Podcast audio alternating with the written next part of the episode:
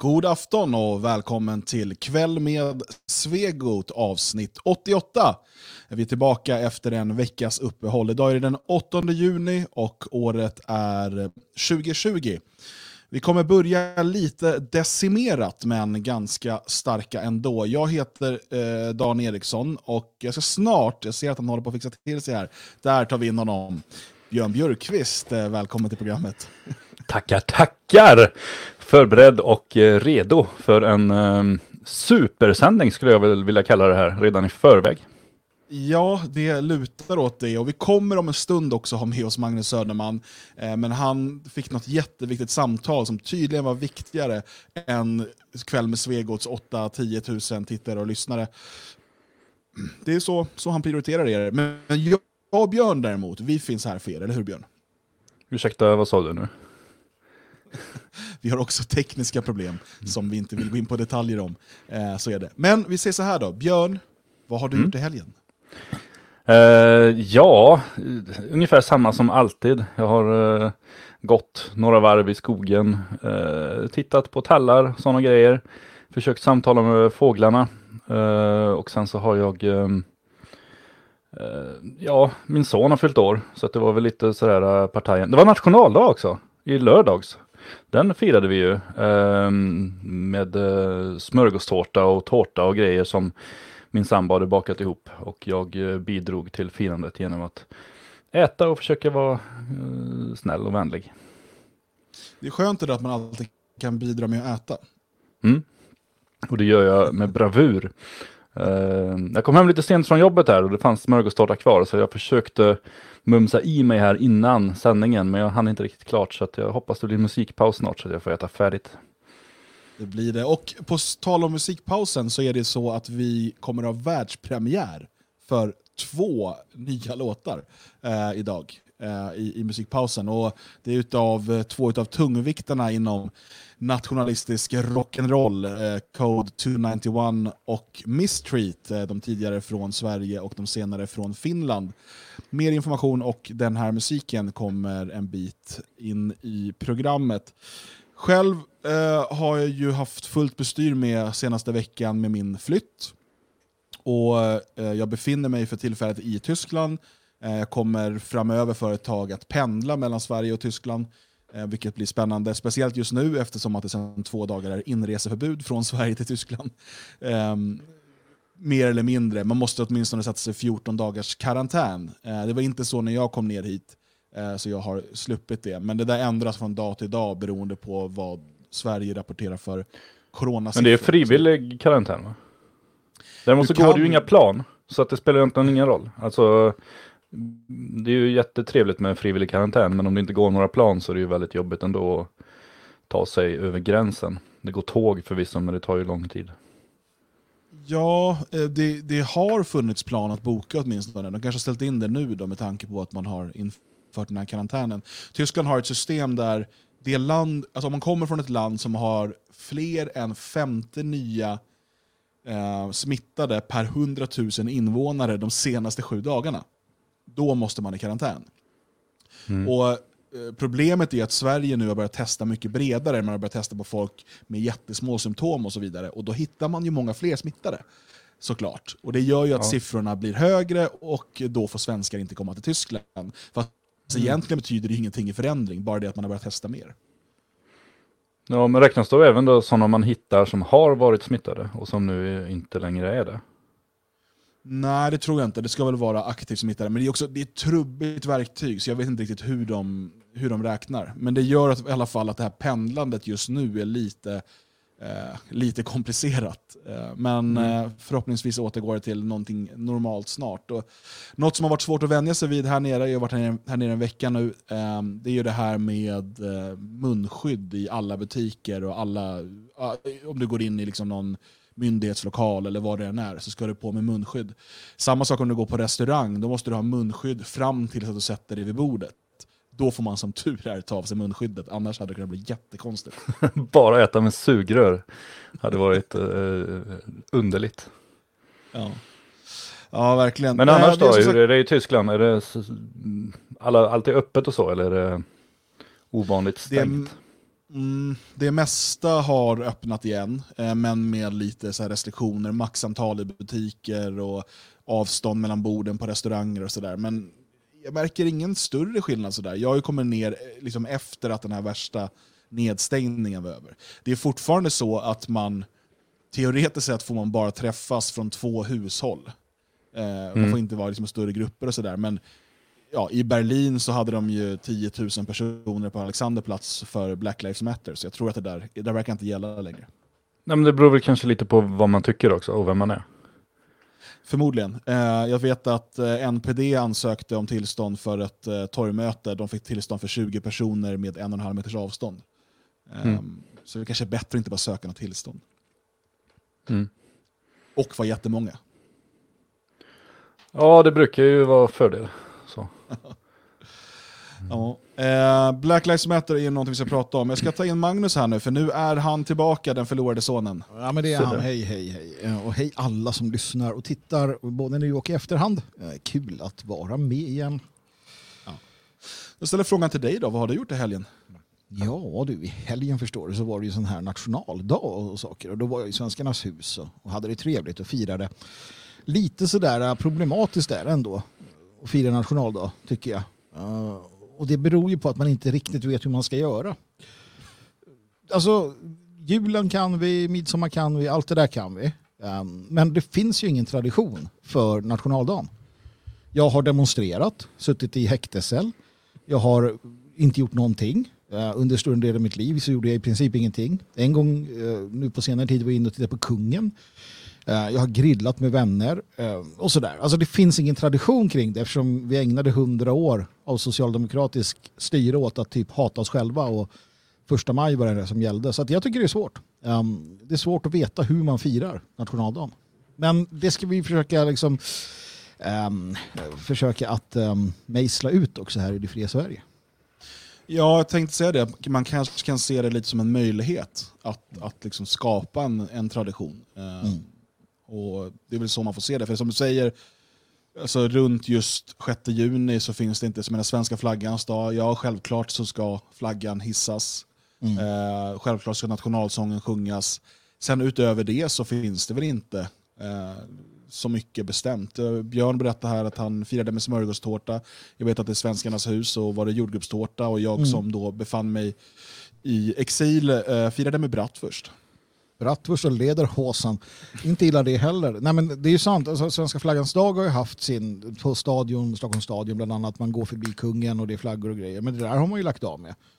Um, och, och, så flyttades det till Skansen och man ger ut en flagga. Men allt det där är ju i AB Sveriges eh, regi och det vill jag inte ha att göra med. Även om det kan vara nog så trevligt kanske att få se svenska flaggor. Men helt plötsligt så, så händer det ju något sånt där multikulti inslag. Va? Och då, då vänder det sig i magen så får man gå därifrån. Ja, nästan alla, eller alla kommuner har ju lag på att de måste ha någon form av välkomstceremonier mm. för uh, invandrare som har fått mm. svenskt medborgarskap.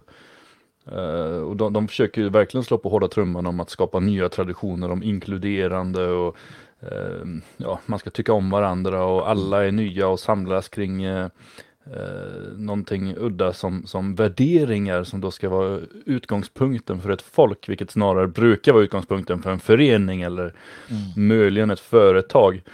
Men det är utgångspunkten då. Det är, det är som att ha en egen familj och så bara, ja men alla som gillar fotboll är med i min familj. ja men lycka till och köp julklappar ditt jävla praktmongo. Det funkar det. ju inte så.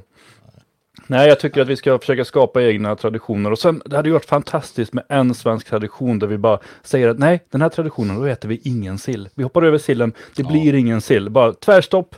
Bara, vi släpper inte fram det, för butikerna förbjuds sälja sill mm. kring här. För, för, att det är liksom varenda högtid så ska det alltid vara, det skulle vara så underbart, fantastiskt skönt. Ägg, ägg också. Ägg, inte sälja ägg. Rödbetssallad. Köttbullar då? Nej, inga köttbullar. Jo, köttbullar. Jag, jag tänker så här, nationaldagen, tacos. Va? Tacos? Det har ju blivit jättesvenskt här de senaste... Det är jättelänge sedan. Jag kommer ihåg när tacos kom. Och alla tittade med väldigt sådär stort, sådär, vad är detta för någonting? Då var det bara hårda tacoskal också. Jag vet inte när det är väl det som är tacos va? Ja det kanske det är, men sen har allting blivit tacos. För mig är allt tacos. Fajitas är tacos. tacos är tacos. Äh, habaneros, eller vad det nu heter. Nej, men, um, så det, det är roligt att vi har en mexikansk tittare som sitter och tittar och försöker förstå vad vi säger. Och så hör han bara vi börjar prata tacos, fajitas. Oh, ja, nu är jag med. Äntligen, efter alla dessa år jag har tittat på det här, de här dårarna, så säger något jag förstår. Mm. Kan, det kan vara så. Ja, nej, men eh, det var ett väldigt trevligt firande ändå hoppas jag. Det var jättetrevligt. Um, men sen där corona-eländet också då. Vi, vi, respekterar ju det här eh, med att försöka tänka på att inte sprida, sprida smitta. Mm. Um, så att vi tog det ju lugnt på det sättet också. Men vi hade ju flera firanden runt om i landet också med föreningen. Så nej, men det var kul. Um, ja. Ja, åtta firanden totalt och det verkar ha varit trevligt på allihopa. Jag har inte hört, ingen som har hört av sig och klagat i alla fall. Så att, eh, det får man ta, ta som positivt. Um, Ja, du ser det, vi respekterar det här och vi kommer prata en hel del om, om Black Lives Matter idag. Eh, men först, innan vi gör det, så ska vi prata om något mer aktuellt, nämligen Palmemordet. eh, ja, det är härligt. Varför ska vi tala om Palmemordet idag, Magnus? För att på onsdag klockan, eh, har jag glömt det, 09.00 tror jag, så kommer... Det brukar vara det. Ja, eh, då kommer åklagaren nej, utredaren. Eller, jag vet inte vad han är, polis. Han som är ansvarig för utredningen i alla fall. Christer Petersson, som han heter. Han är noga med att uttala det Petersson också. Ja, det är han. Uh, uh, Christer Petersson kommer att avslöja för um, en, en, en väntande värld vem som uh, mördade uh, Olof Palme för 36 år sedan. Det är väl inte riktigt så de har sagt va? Nej, men i princip. Eh, han kommer säga att de kommer lägga fram lösningen. De kommer, de kommer i, den här, eh, i den här, på den här presskonferensen förklara att det här är det som har hänt. Eh, exakt vad det är vet vi inte. Med största sannolikhet så kommer man då konstatera att, att mordet är polisiärt liksom utrett och klart. Eh, man kommer kanske namnge någon person eh, och säga att den här har gjort det. Man kommer förklara på något sätt varför man kan hävda det. Och sen kommer man eh, lägga ner um, hela utredningen och säga att man är klar. Det, det är vad som kommer att ske. Uh, och det kommer ju inte uh, tysta alla som tror annorlunda än vad som uh, kommer sägas på onsdag. Det kan vi vara säkra på. Men är det ett sätt att försöka rädda sitt eget ansikte här? Alltså att man tar någon som verkar trolig men som inte lever längre. Till exempel om man pratar om den här Skandiamannen Mm. Eh, och så tar man det bara för att kunna säga att ja, men vi har, alltså, så man slipper höra det här om att världens sämsta polis som inte klarar av att lösa liksom, ett mord på en statsminister mitt i stan. Eh, så då säger man så här, men vi har löst det. Alltså, det är i alla fall polisiärt avklarat. Ja. Eh, tyvärr är gärningsmannen död och eh, inga vidare frågor, tack. Jag, jag kan tänka mig att det finns med där. Alltså, å ena sidan då förstås så har ju det tåget redan gått. Det är ju så dåligt skött Uh, och det är en sån, sån havererad utredning att det går liksom inte att, att, råda bot på det. Uh, men jag kan ju också se andra aspekter här. Um, till exempel att man någonstans inser att okej, okay, vi kommer ingen vart med det här. Um, det, det, det, går inte att reda ut mer. Um, och nu måste man förstå att poliser, åklagare och myndighetspersoner till viss del också kan vara bärare av rätt, eh, rätt partibok för att uh, liksom hänga med mig fortsättningsvis. För jag ser nämligen någonting här som inte är helt orimligt. Och det, det, kan ju vara så. Vi hade ju åklagaren som, som också var politiker och sa att man skulle anmäla alla som inte, vad det nu var något, eh, om du anmälde någon som gömde flyktingar eller vad som helst så skulle du anmälas tillbaka. Eller senast åklagaren i, eh, i eh, Härnösand och, och Tommy, Tommy Lind-fallet. Uppenbart politiskt. Och vi vet alla att åklagare, åklagare kan vara politiserade och poliser. Det ser vi också i den här BLM-historiken, eh, det som händer just nu. Så jag kan tänka mig att det finns någonting här. Eh, den så kallade Skandiamannen har ju nu hängts ut i bland annat Filter var det väl och på andra ställen som en, en gärningsman. Och man har också gjort kopplingar till vad? Jo, till högerextrema kretsar. Inte Stay Behind kanske, Kanske inte de här äh, poliserna och Sydafrika och så vidare. Men till någon form av högerextrema kretsar. Uh, vissa hävdar att det här är nonsens. Han var moderat. Uh, inte mer med det. Va? Men, men det finns där. Och jag ser att det finns en, en, en uh, jag ser att socialdemokratin och den djupa staten skulle definitivt kunna uppskatta att säga att ja men titta här, här har du då Skandiamannen, död sedan länge, som passar in på vissa saker, kanske passar in på lite mycket. Eh, och som då också var högerextrem och, och ja, pr- så här proto-sverigedemokrat eller vad du vill. Eh, även om det var innan SD fanns så att säga. Och att man där lanserar det och sen så säger man att det här är vad högerextremismen leder till och sen så får sossarna ännu mer martyrstatus. Det är inte alls omöjligt. Men jag menar, hur eh, otänkbart är det att det var en så kallad högerextremist? Inte alls otänkbart. Det är det jag känner också. Att, Ja, alltså, nej, men det, är det, väl- är liksom... det är väl ett av de troliga spåren, så att säga. Ja, om jag själv får välja. så, så, Vad du vill att det ska ha varit. ja, så, så, så tänker jag en, en, en kombination av poliser eh, av den gamla skolan, lite Stay Behind, lite Karlberg, lite, lite sånt där. Uh, Karlberg var, var inte levande för tillfället. Ja. Ja. Så han Men i är alla fall. asskriven. Ja, men i alla fall, ja, det, det, den gillar jag mest. Eh, Sydafrika gärna också. Mm. På ett hörn. Ja, men jag tycker att eh, Kaliber skriver bra i chatten att moderat på 80-talet räknas väl som högerextrem idag. Eh, och det finns ju en poäng i det. det. Man säger högerextrem, det behöver inte betyda... Alltså det, kan, det, är ett så, det är ett luddigt begrepp, för det finns ju väldigt få som kallar sig själva det. Eh, utan det jag menar då är antisocialist, anti-Palme, eh, också kanske anti-68. Eh, den typen utav, och då, det kan ju vara då eh, liksom, vad ska man säga, en, en gammelmoderat så att säga. Eh, på det sättet. Eh, Oh ja. Som inte gillade eh, Palme. Sen finns det väl andra spår som, jag menar, vi har eh, PKK. PKK. Vi har, vi har Mossad, vi har ett fyllo som tog fel och skulle skjuta sin langare typ. AIDS. Polisspåret AIDS. är väl det som ofta Ja men det är väl ett högerextremt spår kan man säga. Ja det är det väl förvisso. Ja. Eh, Med eh, baseballligan. Har ni sett den här eh, serien som går på SVT nu? Ehm, vad heter den? We got this, I got this, någonting sånt. Eh, med någon jänkare som flyttar till Sverige och eh, det kallas för en konspirationskomedi. Eh, Han blir av med jobbet, har massa skatteskulder och kommer på, får veta att man kan få 50 miljoner om man löser Palmemordet. Eh, spoiler, det verkar som att han tror att det är baseballligan i alla fall. Ja, okej. Ja, alltså baseballligan är väl, um, eller Norrmalmsligan. Um, ja, alltså, jag vet inte. Det- De, jag ska inte säga att de hade rätt i allt de gjorde, men det fanns ju någonting svungigt över dem i alla fall. Eh, och så. Um, Men okej, inte- Björn, så här. Vad måste Palmegruppen presentera på onsdag för att det här ska liksom få tyst på alla spekulationer? Eh, ja, det skulle i så fall vara en bild med alla de stora kända eh, konspiratorikerna, Ole Damgård och alla de här eh, överkryssade, att man har, ju, man har tagit bort dem. Det är nog enda sättet tror jag, att få tyst på dem. Eh, ingenting man presenterar kommer, kommer att eh, ändra på de här historierna. Många lever på, eller många lever för att berätta om vad som hände Palme och somliga även lever på det.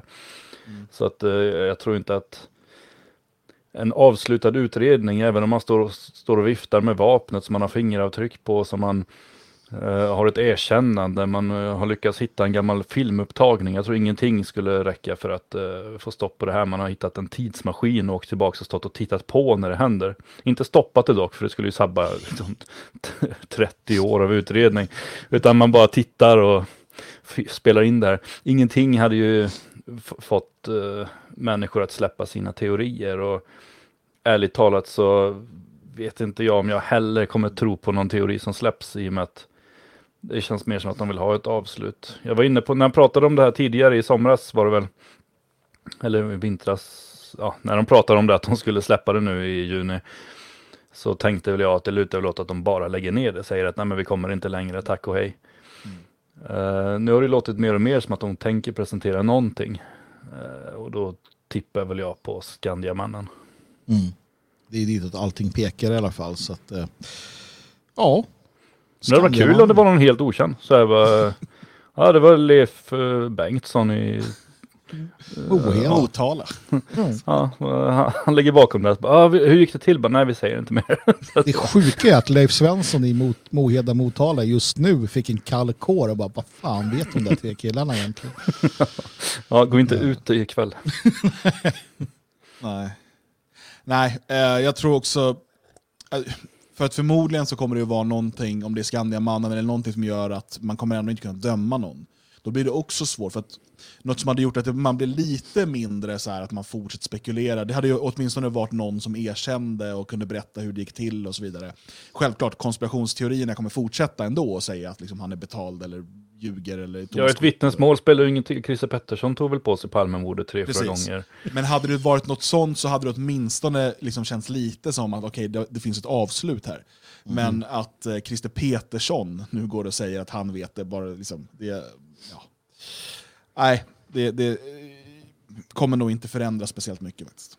Nej, det, det de måste lyckas med det är att få, få sådana som, som Per, GW Persson och, och en del av de här privatspanarna eh, att köpa det hela. Då kan det nog bli ganska tyst. Eh, det är klart att det kommer sitta folk här och där, men för att liksom tysta hela opinionen. Men om den där, om den där GW sätter sig i någon morgonsoffa och grymtar fram att han inte tror ett dugg på det här, då har ju han en, en fanclub bestående av en, en rejäl andel människor som kommer direkt säga att nej, precis. Ja.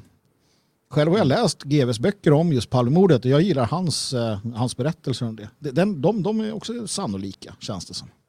Mm. Men han har väl varit väldigt fast vid Christer Pettersson-spåret va?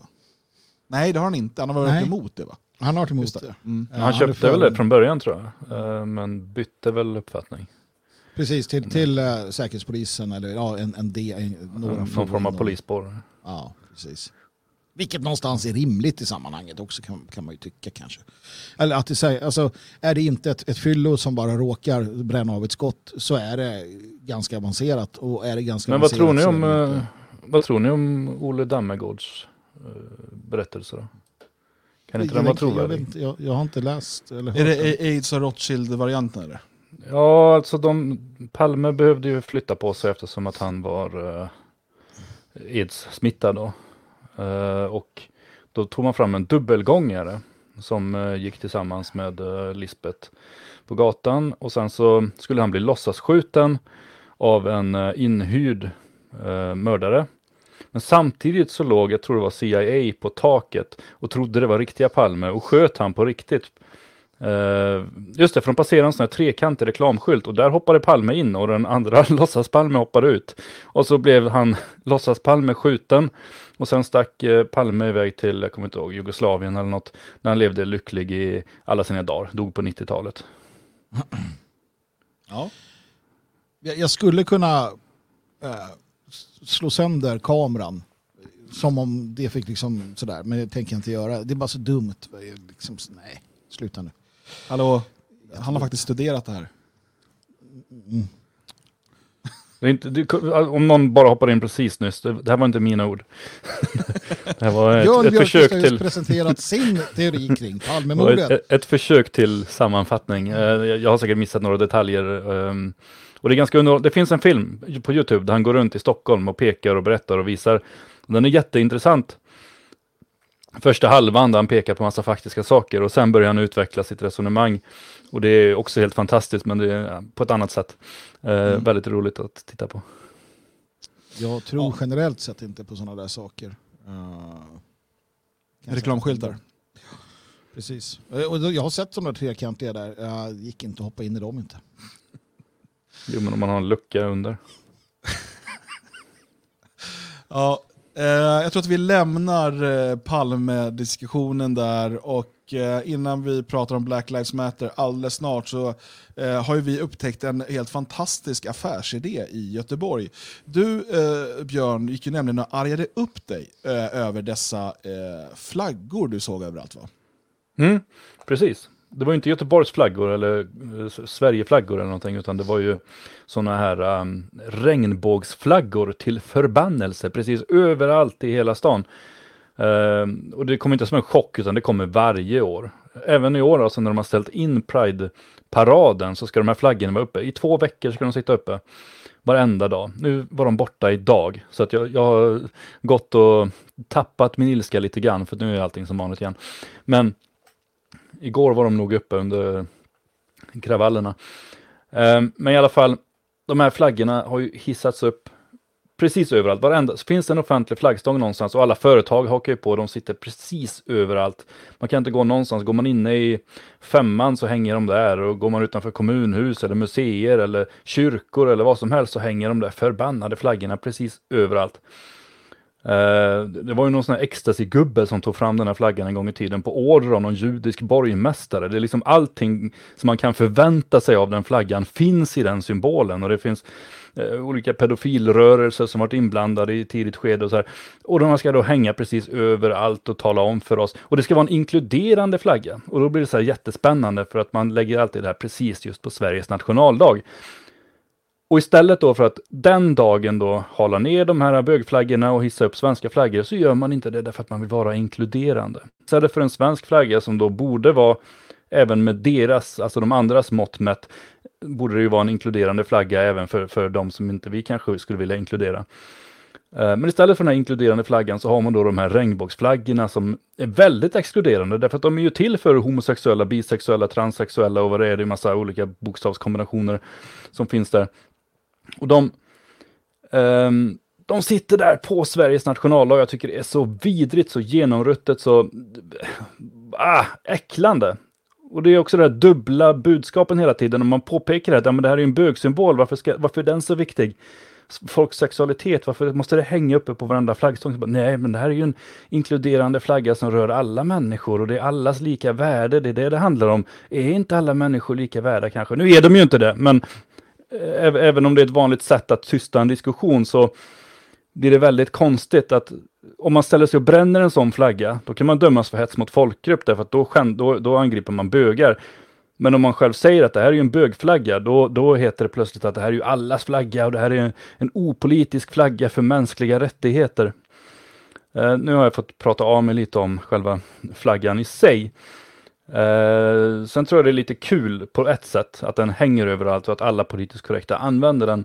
Därför att jag tror att det dödar hela bögrörelsen lite grann. Alltså, eh, bögrörelsen har ändå varit en form av revolutionär rörelse när Jonas Gardell och de här typerna sprang omkring och var aktivister för 30-40 år sedan allt det där är ju borta idag. Idag är det så politiskt korrekt det bara går att, att uh, omhulda de här idéerna. Och när man dessutom har börjat tala om de här flaggan som, som någonting annat än vad det är. Det är ju en uh, alltså, bögknarkflagga. Men uh, istället ska det handla om alla människors lika värde och det ska handla om invandring är fint och det är bra med att fundera över det här med genus och ska inte flickor ha lite blåa kläder och alla de här sakerna. Vilket um, jag, jag, tror att det här kommer urvattna hela idén på ett sätt. Pridefestivalen betyder ju ingenting om, om det plötsligt ska inkludera en massa andra saker. Jag tror att det blir lite grann som när alla partier plötsligt började prata om begränsad invandring. Då var alla överens och sen sket man i det, för då var det inte intressant längre. Så jag hoppas lite grann att det här ständiga flaggandet kan döda bögrörelsen en aning, för att det hade i sanning behövts. Mm. Kanske, men affärsidén då? Mm? För när vi skulle titta upp då, lite information om det här, då dök det nämligen upp hur det fungerar och, med de här flaggorna överallt. Eh, och jag, det, jag hade ingen aning om det här, men det är alltså så att man hyr de här flaggorna utav West Pride, den här bögrörelsen då på eh, um, deras Pride-festival där i, i Göteborg. Eh, och Tidigare då så kostade det 500 kronor att hyra flaggan under pågående West Pride, så man kunde hissa den för att visa sitt stöd. Eh, och hade man sönder den eller så, så kostade det 3000 kronor. Väldigt, väldigt dyrt för en flagga kan man ju säga. Eh, nu har de ändrat det så att om den går sönder betalar man 1000 kronor, så 1500 totalt om man vill hyra en och ha sönder den. Men eh, det är alltså så att alla de här kommunbyggnaderna, kommunala företag och så vidare, de hyr bögflaggor utav West Pride. Och betalar 500 spänn för att hyra det. Är det något speciellt mm. med de flaggorna? Alltså, är, de, är, de, alltså, är det någon, någon, standard eller att måste man ha dem på ett visst sätt? Eller man får inte gå till flaggfabriken och Blodsfanor. Nej, nej, det kan det ju inte vara. Jag vet inte alls. Nej, jag tror inte det är något speciellt med dem, utan det är bara det, det är ju vanliga tygbitar som någon, har- säkert någon asiat, asiatiskt barn har suttit och sytt ihop. Mm. Skulle jag gissa på. Eh, men det är ju en fantastisk affärsidé, för då har vi ändå kommunen plus flera kommunala företag är redan huvudsponsorer av Westpride och öser redan enorma summor över det här. Och sen hyr de flaggor för att visa sitt stöd till dem. Så det, det tror fan att de, eh, Westpride, verkligen tjatar fram att nu är det snart dags för flaggveckor igen och det här är viktigt och betyder mycket för oss. Ja, det är klart det gör, det betyder ju deras lön som, som vi som jobbar betalar för. Mm. Men jag vill ju fortfarande, och det här måste jag tjata om varje år och några gånger om året också. Och jag riktar mig till memarna, här nu. alla memkonstnärer. Och jag, jag, det retar mig någonstans att framförallt den amerikanska rörelsen inte har plockat upp det här. Det är ju som så, och, och det här förstår man ju. Det, det de har gjort som vanligt är att de har tagit en symbolik som är väldigt fin och sen har de eh, gjort den till sin och försökt förmå den att presentera, eller representera sina idéer och sina, sina tokerier. Eh, för att den, den symbolik som finns i regnbågen, regnbågsfärgerna, det är förbundet mellan Gud och Noa i Gamla Testamentet. Alltså mellan, mellan Gud och, och, och de som överlevde den här syndafloden som alla känner till. Um, och det beror ju på att, att eh, efter syndafloden så säger Gud att jag ska inte dränka alla människor igen på det här sättet. Han kommer att ihjäl dem på andra sätt ibland, men inte på det här sättet. Och därför så sätter jag en, en, en regnbåge i skyn som en påminnelse om att ni inte ska bete er så här som ni gjorde så att jag måste förinta i princip alla utav er. Um, och så. Det är själva grunden, själva grundbetydelsen av detta i liksom ett par tusen år gammal tradition. Eh, och då kan man tänka på vad var det som hände som fick det här att ske från början? Jo, det kan man lätt ta reda på.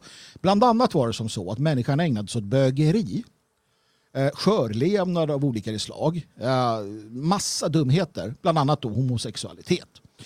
Och när människan gjorde det på det här sättet så sa Gud att det här gillar inte jag.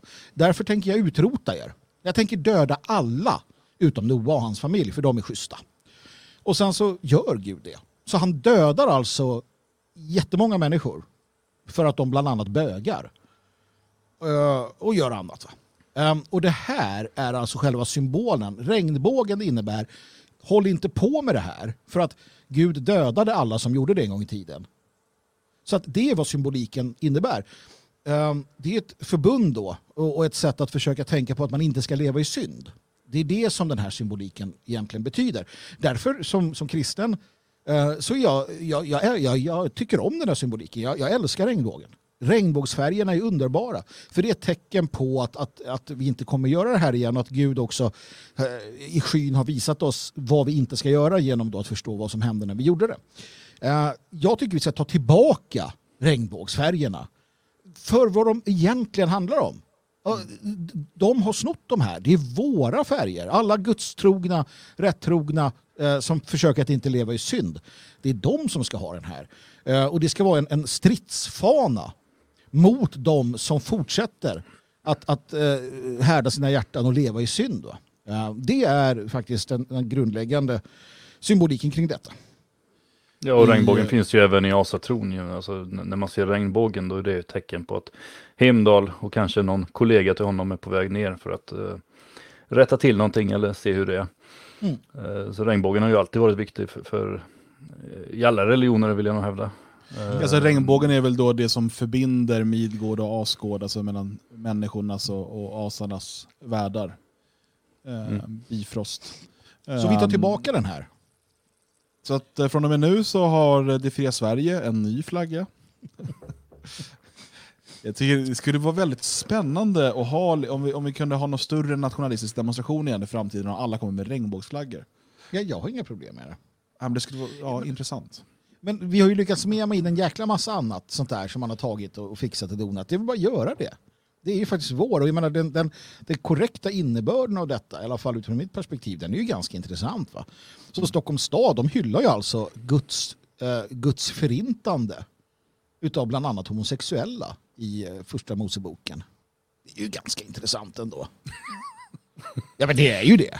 Ja. Det var de Det inte intressant. räknat med. Nej, och på nationaldagen liksom fira lite extra. Ja men precis va. Ja, nej men det, ja ja, sådana är de, sådana är de. Mm. Jag tror ju mer i så fall på möjligheten att, att eh, ta tillbaka regnbågen som sådan än just deras flagga. Hörde ni att det varit, de har varit ovänner i Storbritannien också? Det var en polis, eh, polismyndighet i Storbritannien som tog till sig den där flaggan. Men eh, då gjorde de det med två extra ränder. Svart och brunt är tillagt. För att man ska inkludera svart och bruna i, den här, eh, i det här gänget. Då. Och då var de andra så vansinnigt arga och sa att nej, det kan vi inte gå med på. För att det är ju inte en sexuell läggning, svart eller brun. Va? Så då, då fick de skäll. Man kan ju Ja, tända jo. på det. Jo, jo, fast det gick inte med. Men polisen sa att nej, vi kommer, det här är en superinkluderande flagga. Ja, men de har problem med det där. De har ju, det är något annat, om det är något vitt i flaggan och det är något för... De har, heter ju nu, för att det andra de gör, de här West Pride, då, de lär sig av varandra de här organisationerna, så de har ju också något som kallas HBTQI-diplomering. Mm. Då kan man bli HBTQ, HBTQI-diplomerad. Eh, och man betalar dem massa pengar, så kommer de och säger att nu är du HBTQI-diplomerad. Och det här gör gärna gå en kurs och sånt också. Jo, jo. Eh, De kommer ju inte bara kursen- säger det när man har betalat.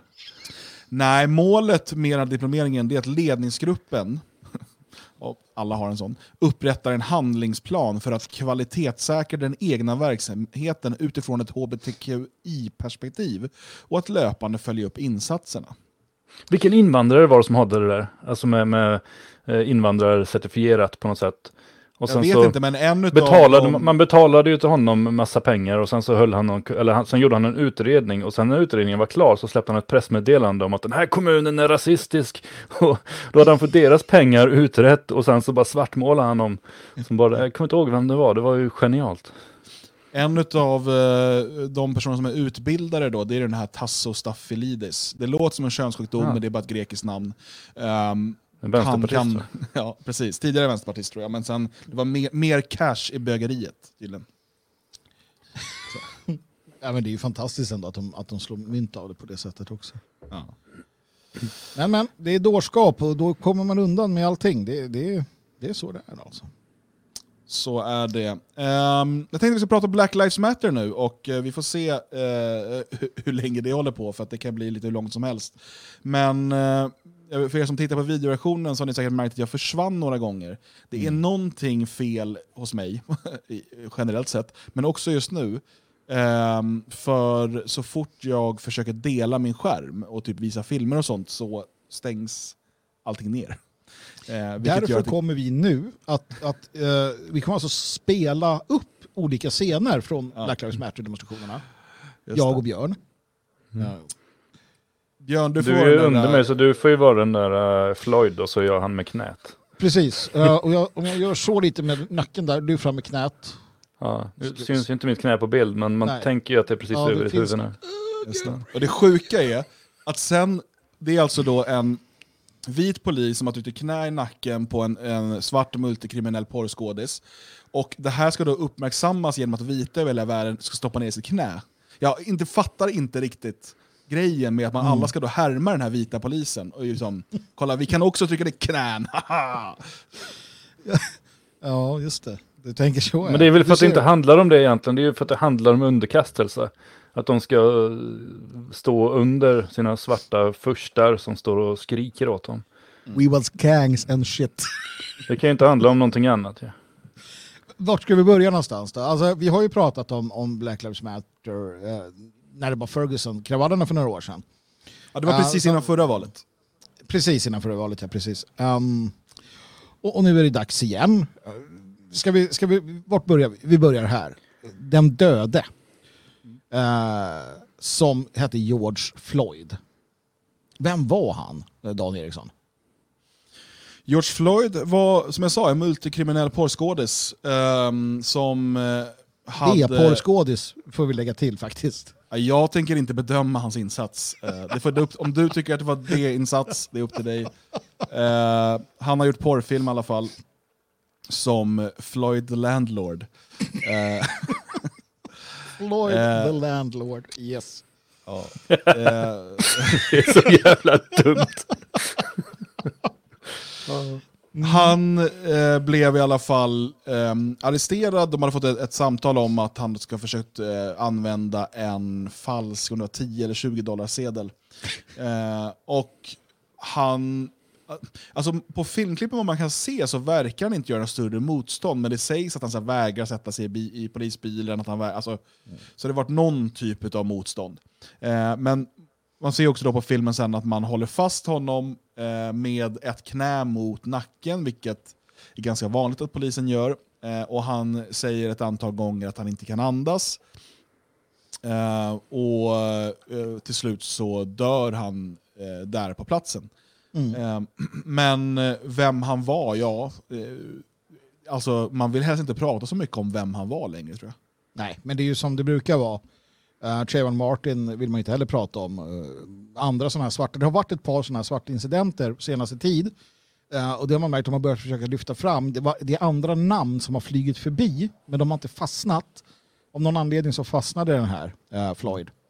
Um, ja, men jag kan säga så här, när jag såg den här filmen första gången så sa jag också, vad fan är det de gör? Liksom, det här knät. Och han säger I can't breathe, I can't mm. breathe. Och de vägrar släppa. Och samtidigt så jag vet ju att typ alla säger så. Alla mm. säger att eh, handklovarna sitter för hårt och så vidare. Mm. Jag, jag, förstår det, men jag såg också den här filmen och tänkte att det här, det här går inte rätt till. Um, absolut. Sen mm. har det ju visat sig att han var ju fullpumpad med droger. Um, det verkar finnas en koppling också mellan den här polisen och Floyd. De har jobbat på samma ställe tidigare. Uh, och han är dömd för väldigt grov brottslighet. Alltså det här rånet i, i hemmet hos en gravid kvinna när man stoppar mm. pistolen mot hennes eh, gravida mage och, och sådär. Mm. Alltså han, är, han är grovt kriminell, uh, han är fullpumpad med droger och det känns som att vi inte riktigt har alla pusselbitar här. Sen är det ju så att uh, jag tror att vi alla kan hålla med om, och vi har varit med om det flera gånger, att snutar kan vara riktigt sviniga. Mm. Eh, och eh, tycka om att liksom, åsamka lite extra skada om de får chansen. Man har ju fått sig en och annan tjuvsmäll genom åren, eh, och speciellt när man ligger ner sådär, då kan det, då kan det tryckas lite extra i ryggen och sådär. Mm. Men så, att, så att, att folk blir upprörda över hur han har behandlats innan han dog, det tycker inte jag är konstigt i sig. Nej, inte ett dugg konstigt. men det är inte det det handlar om heller. För att, ehm, och det är ganska tydligt, för att ganska snart så gör man det här då till en en fråga om rasistiskt våld, vitt rasistiskt våld mot svarta. Um, och, och, när det sen kommer fram då att um, de fyra ingripande poliserna, uh, där två mig veterligen är vita, en är uh, asiat och en är arab eller något liknande. Jag tror en är vit bara faktiskt. Jag har, jag har sett olika uppgifter om det. Ja. Um, men sak samma, det är i alla fall inte en majoritet vita, alla fyra är inte vita. Det är ett multietniskt gäng i alla fall. Det är ett multietniskt polisgäng um, som har gett sig på en annan gängmedlem.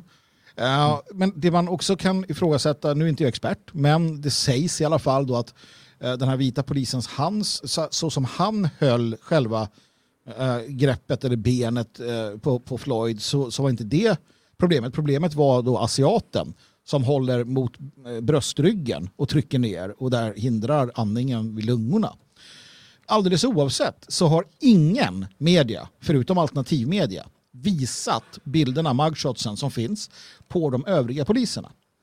Uh, för att det, det, det, skulle handla om en vit polis, det finns ju en bild när han tittar upp eh, mot kameran. Det är det det ska handla om. Man skiter i, BLM och alla andra skiter fullständigt i det faktum att det var ett multietniskt polisgäng som eh, var ansvariga för på ett eller annat sätt då, den här eh, svarta killens död. Det, det, det, det, ignorerar man. Ja men så är det verkligen och det har ju kommit Dels så kom det ju först ett eh, läkarutlåtande som sa att han dog av att hjärtat stannade. Eh, möjligen till följd av att han var nedtryckt och sådär och stressade upp sig och hade allt knark i blodet. Men sen beställde ju hans familj en ny undersökning av rätt läkare och fick ju fram att han dog av kvävning. Så att även där är det ganska oklart vad som hände. Men om vi säger att han ändå dog på grund av polisens ingripande så finns det ju verkligen inte någonting som tyder på rasism. Det finns ingenting som tyder på eh, något som är i närheten av rasism, utan det är möjligtvis, eller ganska troligtvis, ett klumpigt polisingripande. Mm. Och, och, och tittar, man, Tittar man på polismannen i fråga då, han som är central, för, för hans, eh, han har ju anmälts flera gånger för att, eh, för att ha varit en jävla typ, som det verkar. Um, så att det är inte konstigt i sig. Som, som vi säger initialt, eh, det finns ju poliser som inte alls borde vara poliser. Och mig veterligen eh, så, så är inte alltid polisutbildningen i USA så där gedigen kanske som man skulle kunna önska att den borde vara. Um, så det är det som har hänt i alla fall. Det är där vi är. Och, och, här ser man, när jag säger man så vet jag inte exakt vilka jag menar, men uh, de som ligger bakom hela den här eh, uh, BLM-rörelsen ehm, uh, och, och, liknande ser sin chans och kör igång. Ehm, de, de eh, lanserar på bred front. Precis som de gjorde med Trayvon Martin. I, i Trayvon Martin-fallet då så ska vi komma ihåg att den som sköt honom, det var en hispanic. En säkerhetsvakt som var hispanic, men han var vit då, bara för att det skulle passa narrativet naturligtvis. Um, och sen är det igång va? Och, ja, det var ja, George Zimmerman va? George Zimmerman. Ja, Zimmerman var det. Så han var adopterad av en judisk familj men var hispanic etniskt tror jag. Mm. Just det. Men, men, men det är ju hela, hela det som har fortsatt sen då, det, det är ju man kanske har tonat ner lite grann vilken polis det var, utan då heter det plötsligt polisbrutalitet i allmänhet, underförstått vitt polisbrutalitet. Och då är det bland annat då att um, fler svarta än vita blir dödade av poliser varje år i USA. Vilket ju inte stämmer, för att fler vita än svarta blir dödade. Och då kommer ju motargumentet att ja, fast det är ju fler vita än svarta än så länge i USA. Och det stämmer ju också. Men då kommer ju också nästa invändning i så fall. Och det är ju att av de som grips av polis så är det fortfarande fler vita som blir dödade än svarta. Så att eh, det, det är ju alltså hela argumentationen att det pågår ett rasistiskt, i princip folkmord i USA som polisen står bakom och som riktas mot eh, svarta, av någon anledning just mot svarta gängkriminella väldigt ofta. Eh, det, det, det, håller ju inte, därför att hur man än vänder och vrider på det så är det faktiskt fler vita som uh, stryker med. Och säkerligen inte speciellt bra vita människor i de flesta fall heller, mm. utan det är ju ivriga poliser och det kan vara skottsituationer, det kan vara självmord genom polis, vilket inte är helt ovanligt i USA. Uh, och massa andra anledningar, men att det skulle finnas ett utbrett rasistiskt våld från polisens sida, det finns inga som helst bevis på det. Eh, utom kanske enstaka fall, att någon, någon polis har sagt något eh, enstaka nedsättande.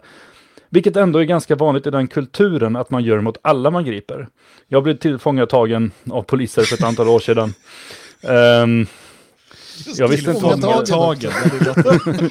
ja, jag visste inte vad som hade hänt, men tydligen så var det några nationella som sen kom till den restaurangen jag satt på som hade slått in någon ruta någonstans. Så polisen kom och grep oss allihop. Och jag ifrågasatte det där lite uh, rund om foten och ung och Uh, tyckte allt skulle vara rättvist. Uh, och det skulle jag inte ha gjort, så att jag blev, fick ju rejält med stryk. Uh, mm. Både i polisbilen och sen inne på stationen. Och blev avklädd naken och fick ligga och åla på golvet och massa sådana grejer. Mm. och då var det hela tiden bara, ah, vart är din ariska styrka nu då? Hur är det nu? Ska vi hämta våra svarta poliser så de får ta hand om dig och bla bla bla, massa sånt där. Sen fick jag gå och lägga mig i en fyllecell och åka hem dagen efter. Men Sen läste jag om samma polisstation, att de hade gjort precis samma saker mot en svart. Mm. Och då hade det hetat liksom att eh, det var rasistiskt och de kallade honom för det ena och det andra nedsättande för hans hudfärg.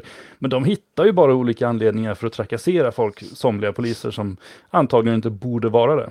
Ja, och framförallt när personen i fråga själv har betett sig. Jag, jag har ju också i några tillfällen hamnat hos, hos polisen. Och det jag har kunnat förstå också är att när jag själv, eh, när jag själv beter mig på ett sätt Uh, inte varje gång, men om man liksom kallar dem massa fula saker och säger saker om deras föräldrar och sådär. Va? Uh, då får man oftast... Din mamma tufft. fin klänning. Precis. Då får man det tufft. Va? Man får stryk helt enkelt. Uh, man utsätts för sexuella trakasserier helt enkelt. sexuell tortyr också. så. gör man inte det, utan man liksom så låter dem dominera och bara så följer med och är tyst, så här, då brukar det oftast vara ingenting. Va? Inte varje gång, men, men oftast. Men det är inte sagt att det alltid är rätt att bara lägga sig platt för, för polisen. Uh, men, men man måste vara taktisk. Va? Det är ju sällan uh, gängkriminella eller multi, multikriminella människor. De är sällan eh, på det sättet taktiska. Utan det är ofta sådär eh, att man får, ja, eller i vårt fall då som politisk, när, när det är politiskt motiverat då är man ju oftast väldigt arg också. Men så, så det är ju min upplevelse. fall. Ska vi bara dra anekdoter nu om ni fått stryka polisen så har jag en också. eh, och det var en typ av... Jag har fler typ i av, så fall, men jag stannar här. En typ av rasism eh, jag varit utsatt för i Småland för att jag var stockholmare. Mm. Eh, och det var först av ordningsvakter då som hade gripit mig. Eh, jag fick rätt mycket stryk. Eh, jävla stockholmare, vad fan gör det här och så vidare. Sen när polisen kom försökte jag berätta det för polisen. Eh, och polisen sa då, okej var det en sån här, pang, eller var det en sån här, pang. Håll käften nu din jävla 08. Ja, Fast det var ju lite roligt ändå ju. Ja, det är det. Det Var var det ju där lite i humor bakom. av bajare? Eller var det... Nej, jag var där i, nej, det här var politiskt. Okej. Ja, nej, men så, så är det ju. Och, och det finns sällan någonting strukturellt bakom det. Går vi tillbaka till 50-60-talet, 60-talet amerikanska södern, Alabama. Eh, vissa av städerna där, ja definitivt. Hela poliskontoret var medlemmar i Ku Klux Klan och liknande. En fantastisk tid också i amerikansk historia. Men, men eh, ja, det är väl där också vi kan hitta det. Det är inte så mycket på några andra ställen. Mm. Men det här visar också, för att nu kommer artiklarna i Sverige. Eh, jag läste idag senast två vita liberaler, kanske en judinna, jag minns inte riktigt. Jurister som skriver att den här typen av strukturell rasism finns också i Sverige. Man skriver bland annat att, att äh, utlänningar äh, stoppas oftare än äh, svenskar och visiteras. Alltså samma argument från USA. Det var rätt kul när Alexander Bard klev in i debatten och sa det. Vad fan, är ni helt dumma i huvudet? Tror alltså de här, framförallt unga vita kvinnorna, att Sverige är USA? Ja, det tror de. De tror att vi har jury, de tror att vi, vi har samma polissystem och de tror att liksom allting är över, överförbart från USA till, till, till Sverige. Det, är- det är absurt. Va? Uh, så att redan från start så kliver ju sanning, verklighet och sånt kliver ut i rummet och lämnar bara det här vakuumet för dem att fylla med vad de nu känner för. Ja, verkligen. Men, och, och sen då, det som sker i USA och sen sprids till Sverige, men först i USA och först då här, där i Minneapolis, Ehm, där George Floyd dog. Ehm, det är ju eh, något som har kallats för protester och demonstrationer, eh, och det har väl funnits inslag av sånt. Eh, men det som det framförallt har handlat om eh, är ju de här upploppen, ehm, det är plundringarna, ehm, Det är förstörelse, alltså förstörelse av allt som kommer i ens väg egentligen. Och en ganska intressant sak vi såg då, det var att väldigt tidigt började butiksägare och andra sätta upp skyltar som minoritetsägd, alltså ägd av minoriteter, den här butiken är ägd av svarta, så man skulle låta dem vara. Eh, och jag tycker inte om att, gå liksom åt det här hållet när man alltid ska jämföra allt ont med nazisterna. Men jag har sett några sådana bilder där eh, de tycker det är ganska kul att jämföra med typ Kristallnatten eller någonting. Liksom. Ja, men, ja, det här är en judeägd butik. För det är lite samma sak man hamnar i här då, eh, liksom, som det man har velat beskriva eh, Kristallnatten som i Tyskland. Att vissa butiker ska då inte röras för de ägs av svarta, däremot de som ägs av vita. Det är ett annat klipp som har blivit viralt nu. Det är, en, det är en ung svart kvinna som står i något område och står och skriker på alla att vad gör ni, varför förstör ni här? Eh, och det här delas av jättemånga. Kolla, hon, hon står upp mot dem, hon är jättebra. Men lyssna på hela talet, för det hon säger är åk till deras områden, åk dit och förstör, åk till Wall Street, åk till eh, Uptown, bla bla bla. Uh, och inte för att jag speciellt tycker mycket väl om Wall Street, men det hon säger är ju bara det här är svart område, här ska ni inte förstöra. Ni ska förstöra de vitas områden. Mm. Nej, och där, där köper jag det. Uh, USA kan inte hålla, det är fel. Uh, fel med multietniska stater, det är fel med integrationen, det här bussningarna man ägnar sig åt, det är fel. Um, att, att, man, att man började med hela den här idén om svart medborgarrätt och så vidare. Då, då man, alltså på 60-talet, vänstern, och hur, hur man gjorde, så, så fördärvar man ju de svarta familjerna, det där vi pratat om tidigare. Eh, man såg till så att, att eh, så familjerna krossades, religionen krossades och så vidare också för det svarta. eh, det svarta samfundet, vilket har lett till det vi ser idag med kriminalitet och liknande. Det är ju samma krafter som nu pratar om Black Lives Matter som, som ligger bakom det. Ehm, så att, nej det är klart. Ehm, och, och, och samma där såg vi i eh, Los Angeles 91. Va? Eh, också, och, och då gre- angrep man ju också asiater. Um, samma har väl skett till viss del nu, men, men man, man, man, för att det blir ju också det här, vem är det mest synd om nu? Black Lives, och så kommer andra sådana minoriteter, men vänta nu jag då? Mm. Uh, I LA så, så var det som sagt, det var ju eldstrider mellan svarta och, och asiater, medan de vita sådär, okej. Okay. Uh, det var väl en som råkade riktigt illa ut, han som körde förbi med sin lastbil. Mm. Men det är ju, ras, det är ra, rasupplopp uh, och det är svarta mot vita framför allt, men det är också svarta mot de som står i vägen. Det kan vara asiater eller vad som helst. De, de har ingen större... Det är inte så att... Det kan vara andra svarta också. Du hade ju den här svarta före detta polisen som 77-åringen eh, som, som sköts. Mm. Um, du, alltså, uh, det här är ju... Det är klart det finns flera element i den här. Det finns, det finns liksom politiskt drivna eh, vänsteraktivister, eh, du har vithatande svarta och du har allmänt bara drägg som tycker om att förstöra och, och, och mm. liksom hoppas kunna hitta på nya Nike-dojor. Um, det finns allt möjligt av det här. Men vad det verkligen liksom handlar om i grunden, och om man ser på de krav man kommer på med och de uttalanden man kommer med, så är det ju liksom en, en, det är en krigsförklaring mot den vita civilisationen. Eh, man är alltså, och, och här måste man, för vi kommer att prata om Sverige och Europa också, för det blir, det blir ännu mer intressant. för att vi har en helt annan historia. Den, den, den, svarta befolkningen som bor i Europa kom inte hit som slavar. Det gjorde i och väldigt få av dem som... Eller, det är inte så att alla afroamerikaner är um, vad säger man, ättlingar till, till slavar. Mm. Eh, det har ju varit, till exempel i Minnesota så har det gjort en stor invandring från Somalia. Mm. Eh, de kom inte dit som slavar, de kom dit som, som bidragstagare. Eh. Somalierna, förresten bara, somaliernas uh, insats i slavhandeln från fordon är ju också beryktad. Va? Uh, jag tror att somalierna, eller de stammarna där, förslavade framför allt, eller mest, flest andra svarta. De håller på fortfarande med slaveri också. Ja, ja, det är ju mm, business. Men, men, men och, och, i Europa har vi en helt annan situation. Där fin, alltså, vi, Alltså, det är ju väldigt få svarta i Sverige som kom hit som slavar eller deras föräldrar. Eh, det, det, liksom, det, existerar inte. Eh, men man försöker kopiera eh, den här retoriken ifrån USA. Men, men det är fortfarande så att man, man befinner sig liksom i, i det som faktiskt tillhör västerlandet. Alltså den civilisation som, som framförallt vita har byggt upp.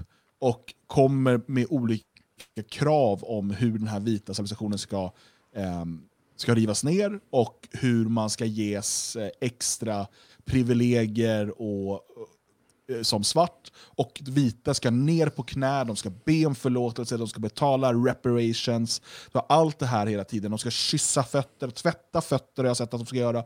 Det, det är, liksom, det är total förnedring. Eh, och där det blir allra värst i det här tycker jag, det är inte i att de svarta beter sig på det här sättet. Utan det är alla de här vita medlöparna. Vi hade i, för, för snart en vecka sedan något de kallade för Blackout Tuesday. Där massa vita jon höll på att lägga upp bilder på en svart ruta för att visa sin sympati. Och det här då samtidigt, alltså det, då har redan eh, kravallerna, plundringarna, dödandet är redan i full gång. Det är inte så att man inte vet hur det ska utvecklas, det är i full gång.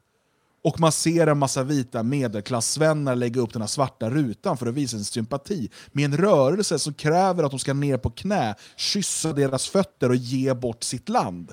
Mm. Ja, ja, det här sympatiserar jag med, för jag är en duktig vit medelklassvänne. Mm. Men det är ju här det har blivit så konstigt och galet och otrevligt.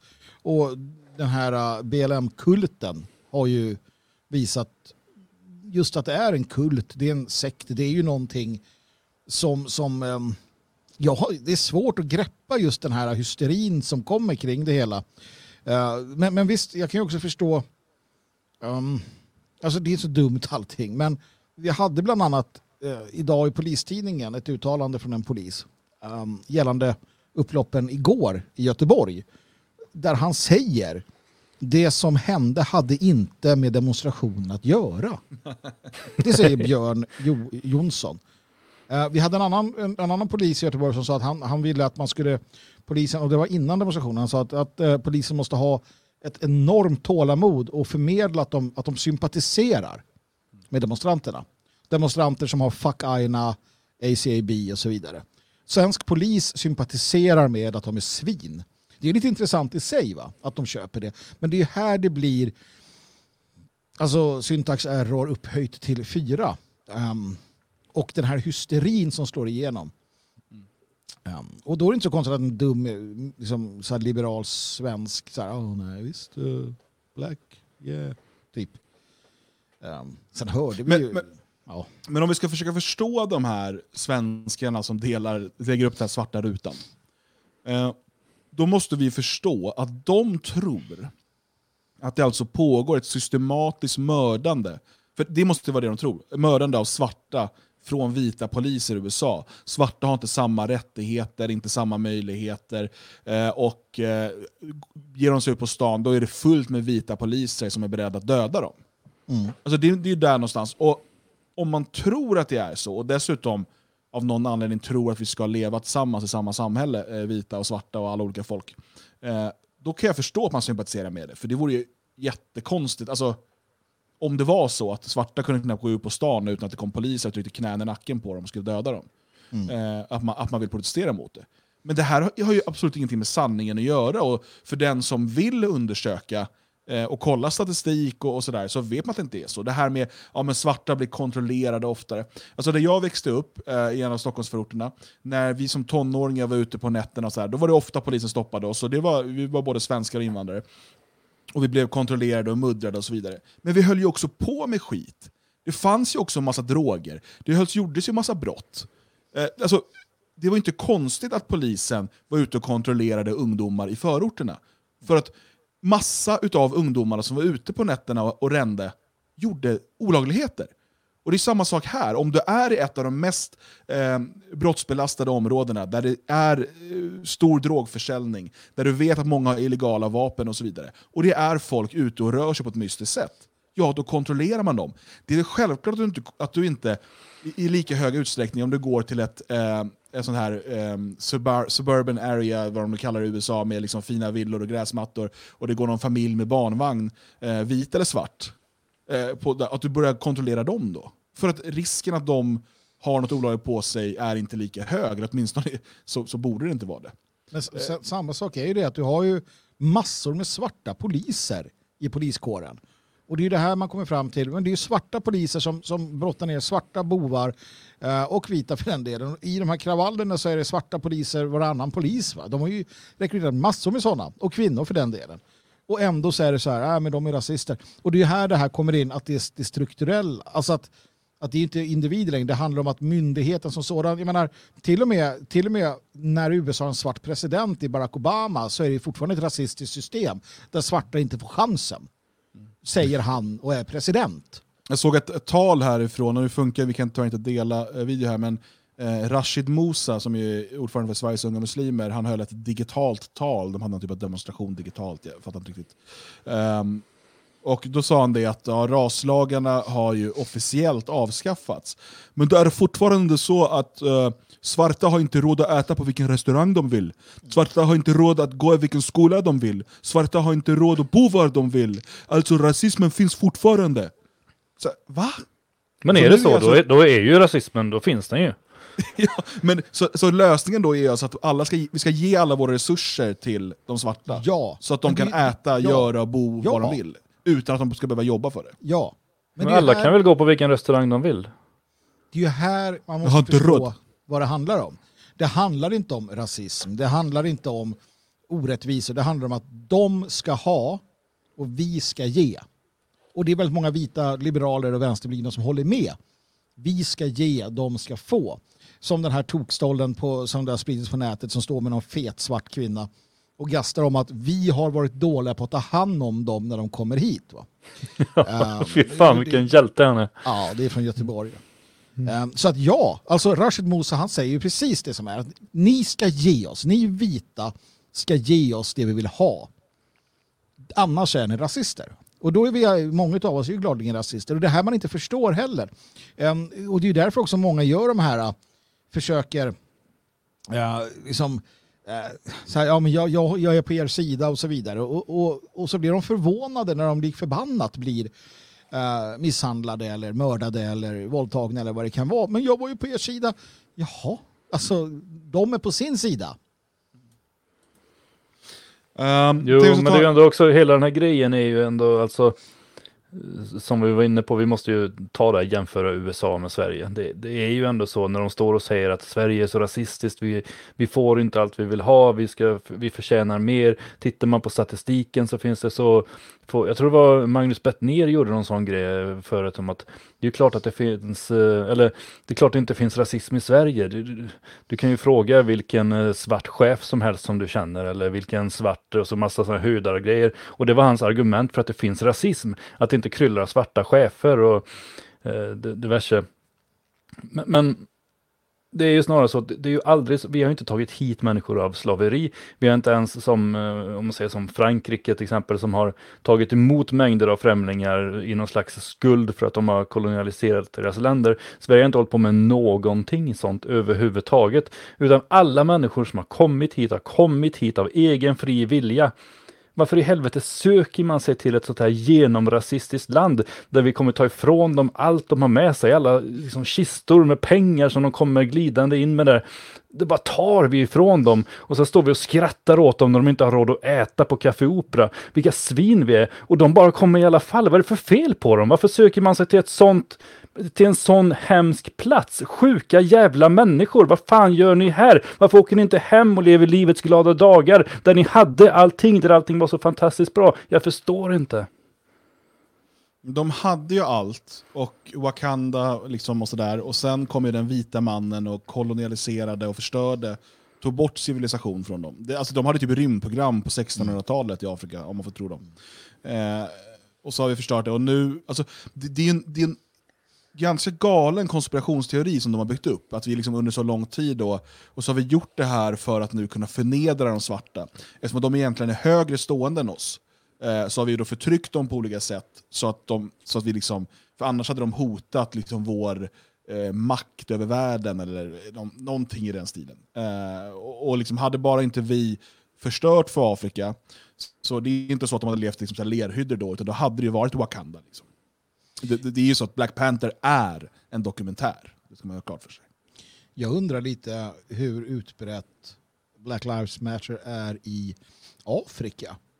Det är ändå urhemmet för det här ja, folket, folken, stammarna. Jag vet att det var lite Sydafrika, men, men jag tror inte att typ Kongo har haft ja, är, det, är det i något land där, där svarta människor dödas av polisen så är det väl Kongo? Ja, Kongo har problem. Och, och, och Eritrea har ju problem.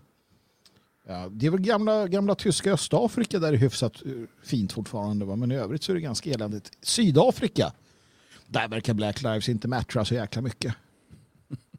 Um, och sådär va. Jag tänker att vi ska prata mer om demonstrationerna i Sverige och, och allt som hände och, och hänt kring dem eh, efter en musikpaus. Och jag tänker så att vi kör två världspremiärer i rad. Så jävla bra tror jag, vi är typ först nu spelat två världspremiärer i rad tror jag. Mm. Mm. Hashtag eh, Dan var först.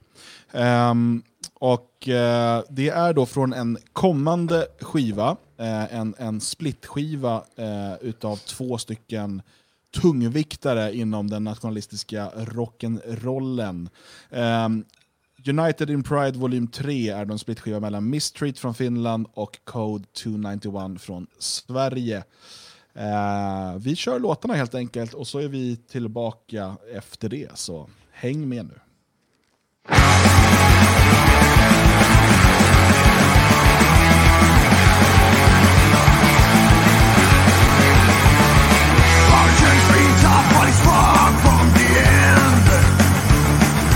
Nation's always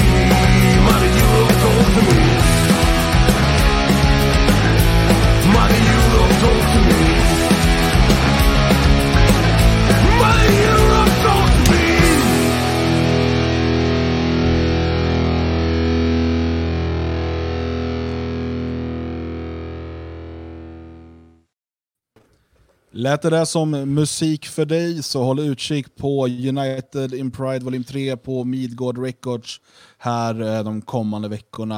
Eh, då kan du också höra det i full kvalitet. Köp skivan eller teckna ett konto på Liberplay eh, och stöd nationalistisk musikproduktion. Nu ska vi prata mera Black Lives Matter, för att det var ju inte bara i USA som man valde att protestera eh, eller eh, bedriva upplopp och liknande, utan även i Sverige. Eh, detta trots att vi alltså har eh, förbud mot samlingar på över 50 personer. Hur kunde det gå till, Magnus? Det är underbart. Ehm, coronaviruset är nämligen känsligt på det sättet att det drar sig undan när det handlar om svarta liv. Eller ja, inte initialt, men det har blivit så nu.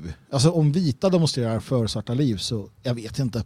Det är en del av den här absurda, mm, eh, det absurda året 2020 som vi är inne i. Nuvarande år, det är ett argument faktiskt. Eh, vi hade klimat, eh, klimatgalenskapen, hysterin. Sen byttes den ut mot coronan och sen så blev det det här. Och, och, det har ju upphävts. Alltså titta från uh, Storbritannien till exempel. Där alltså, jag tror att det är ministern för hälso och sjukvård som går ut och demonstrerar tillsammans med uh, de här coronadårarna. Eller de här BLM-dårarna är det den här gången. Uh, han går ut och demonstrerar med dem. Samtidigt som, som han då veckan innan sa att, att uh, man får fortfarande inte gå ut i parkerna hur som helst och så vidare. Alltså de här två, och det här är det Orwellska i det hela. Det är två tankar, två lagar, två idéer som samtidigt eh, hålls och båda är lika sanna.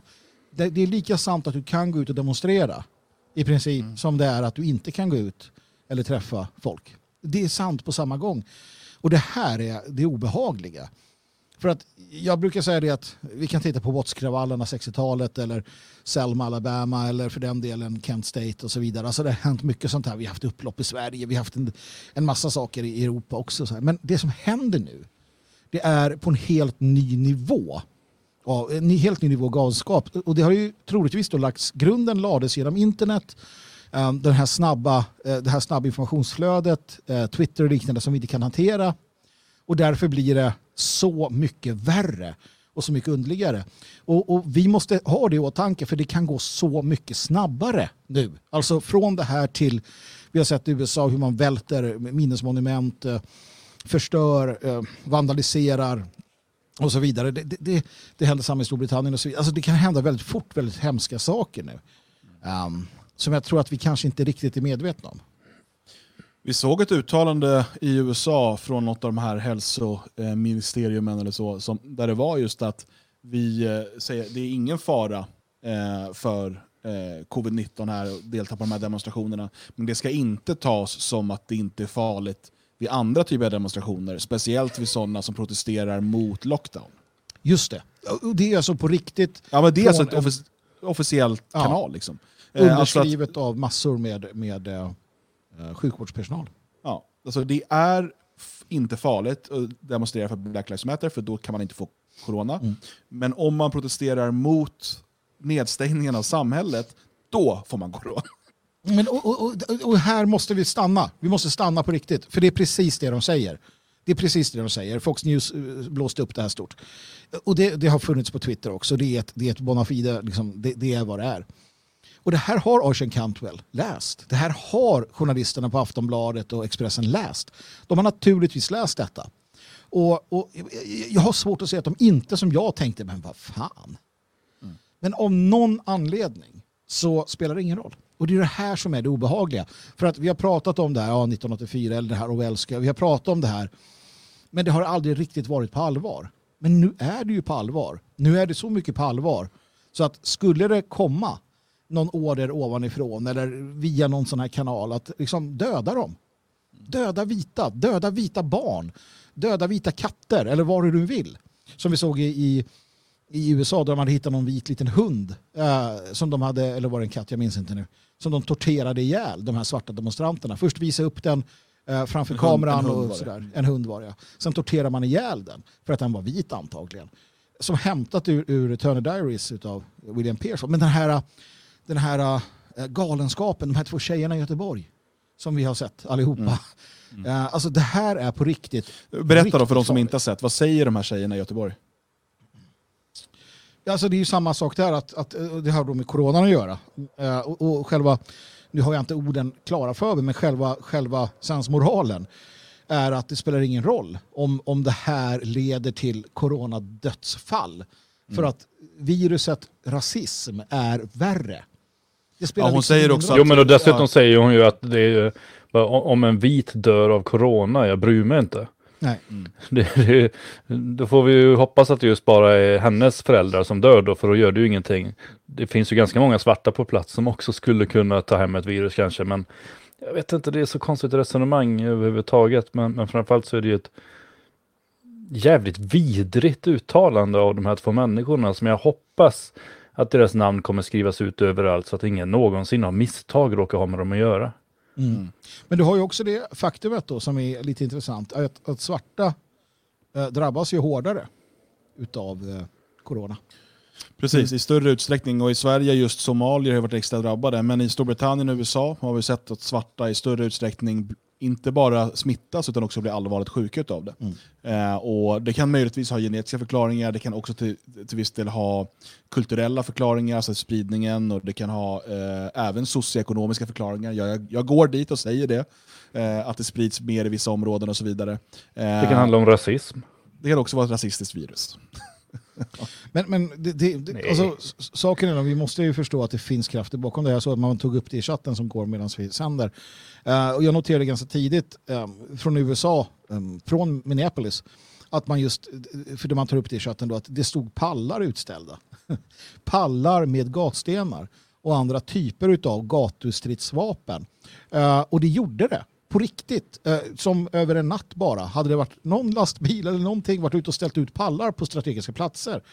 Um, och jag såg det genom att en svart kille då filmar det här och så här, säger liksom att nej, nej, nej, nej, nej, nej, det här går vi inte på en gång till. Det här går vi inte på, no way. Um, så det, det fanns ju också en medvetenhet i det svarta samhället. Jag kan tänka mig framförallt hos de, de politiskt, alltså politiskt mer politi- politiskt um, och nationalistiska svarta, till exempel Nation of Islam och liknande, som har sett igenom det här och vet att de är Um, ja, Malcolm X var ganska tydlig med vilka de tjänar när de beter sig så här. Uh, och det är ju inte the negro som tjänar på det, utan det är ju andra krafter. Då. Um, Jag får bara säga det, för det, det, det är en intressant sak. För att om det här nu inte leder till en total samhällsomstörtning och att eh, liksom, svarta tar makten över alla myndigheter och eh, utropar Wakanda i Nordamerika och sådär. Eh, utan det här faktiskt, ja men du vet, kanske något småligt, vi pratar om polisen i Minneapolis ska läggas ner och, och lite sådana saker som händer. Men efter det kommer det vara en bättre eller sämre situation för de svarta i Amerika. Kommer i, alltså, när den här förstörelsen har gått och så vidare, kommer de ha flyttat fram sina positioner? Jag är inte alls säker på det. Alltså. Jag tänker så här att, att många kommer ha nya skor. Mm. En del kommer ha ny tv. Eh, man kommer ha ja, klasar med bananer så länge de nu räcker. Eh, men annars så tror jag väl inte men de sätter sig ändå i medvetandet på något sätt tror jag. Eh, de, de, nästa gång en polis ska gripa en narkotikapåverkad brottsling så kanske de är, backar undan, är lite försiktiga. Eller ta in dem i bilen innan de knäar dem för att så det inte någon kan filma det. Men, men jag tror att det kommer ju vara Ingen vill ju hamna i, i världens blick på det sättet som den uh, polismannen. Utan uh, folk kommer nog snarare undvika att uh, stoppa brottslingar. Så för brottslingar tror jag absolut att de har flyttat fram sina positioner. För svarta i gemen, mer tveksamt. Jag tror att vi också kommer få se ännu mer, jag vet att man redan jobbar så i USA idag, men det är inte alltid det går, men att se till att det är svarta som griper svarta. Mm. Ehm, men eh, där har ju de, där har de ju också vänt på det till att polisen är som nästan som en egen entitet, en egen Mm. ras i det här nästan. Att det spelar liksom ingen roll för de är en del av den här vita strukturen. Den här som Rashid Musa berättar gör att de inte kan äta på vilken restaurang de vill för att de inte har råd. Ehm, och det, är- det är liksom samma strukturer som gör att svarta poliser har ihjäl svarta eh, brottslingar eller misstänkta brottslingar. Ehm, så eh, vad som kommer komma här efter det vet jag inte, men, men eh, när vi ser också då bilderna från USA på de här vita som går ner på knä, eh, som, som ber om ursäkt. Vi ser den här unga poliskvinnan i Stockholm eh, som gör Black Power-hälsning och, och går ner på knä och håller upp eh, någon propagandaskylt och så vidare. Eh, vi ser allt det här. Det är ju väldigt svårt att inte bli, och det här tror jag är det farligaste, det här vi måste akta oss för. Det är väldigt svårt att inte bli eh, demoraliserad som vit och som vill ha vit överlevnad. Alltså när man ser så många ur sitt eget folk bete sig på det här undergivna sättet. Så jag kan förstå att många som ser det känner att jäklar, alltså det är kört. För att de är så många och, och liksom... Jag menar, jag såg människor som jag inte hade räknat med, släktingar och så vidare, som la upp den här svarta rutan. Som jag vet, jag, står, haft, jag har haft samtal med dem om liksom invandringspolitik och så vidare. Och det, de har inte ens eh, skrädit orden. Men nu ska du upp med en svart ruta och godhetssignalera. Eh, så jag kan förstå, och jag tror man måste vara akta sig för den och försöka se istället, försöka se bakom här, vad är det som händer, vilka mekanismer och så vidare. För att tittar man bara på det så som det presenteras, framförallt av media och sådär, då, då kan man ju få för sig att liksom, ja, men det är kört. Det, det här är ju kört. De vita går ner på knä och, och böjer nacke för liksom svarta kriminella plundrare. Ja, men nu är det ju, och där måste man ju bara förstå, eh, medias roll i det här är ju att få oss att känna precis det. Det är ju väldigt få vita som gör det här. Jag menar jättefå vita som, som beter sig på det här sättet. Eh, De flesta vita de vet knappt vad som händer och ganska många i USA laddar sina vapen. Eh, på andra ställen börjar fundera hur de ska komma, hur de ska, hur de ska gå vidare. Det kan, den så kallade rödpillringen pågår ju också. Det är ju ingenting som media kommer visa. Absolut inte. Eh, men det här är ju ehm, det här är ju en väldigt liten minoritet av vita som beter sig på det sättet. Men sen den här att, att, att posta en bild, ja det gör man ju. Det, det är Je Charlie och det är det här och det är en massa annat. Um, och det är liksom den här uh, typen av, av utspel som till intet förpliktigar. Så att um, det, det gäller att ha koll på de sakerna. Annars är det som du säger Dan, annars blir man ju helt vettskrämd och, och, och så vidare. Sen måste man också ha den här som vi har då, att, att vårt folk, det är de som faktiskt vill det svenska. De andra tillhör ju inte vårt folk på det sättet. Men jag vill också säga, för det- är ändå just det här jag var inne på tidigare, vi måste ta det på allvar också. Um, och, och, och det är ju som du sa då, ja, det här är min polisen i Minneapolis och sen så gick vi vidare. Men vänta nu. Alltså staden Minneapolis har bestämt sig för att avskaffa polisen. De lägger ner polisen. Alltså, det här är ju ett av kraven från Black Lives Matter. Defund the police. Ta bort Precis. all finansiering till polisen. Ja, men de lägger ner polisen. De, politikerna gick ut och sa att nej, men vi lägger ner polisen. Vi lägger ner den nu eh, och vi kommer hitta på ett annat sätt för att säkerställa eh, medborgarnas trygghet.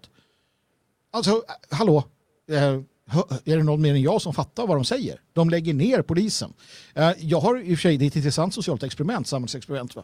Men ändå, i dessa tider, lägga ner polisen. Eh, till och med libertarianerna måste ju säga, vänta nu, fan det här är kanske inte den bästa idén just nu.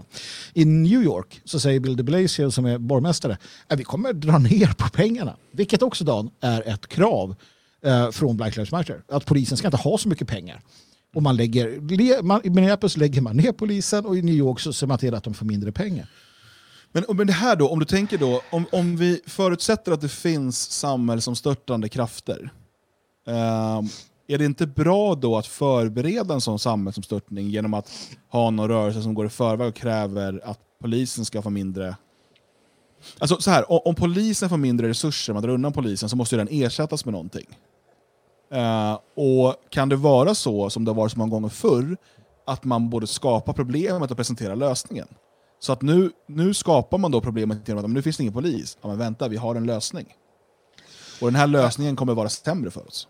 Jag, jag tror att faktiskt så, så är det här en del utav en Alltså dels är det en strategi som har pågått ganska länge.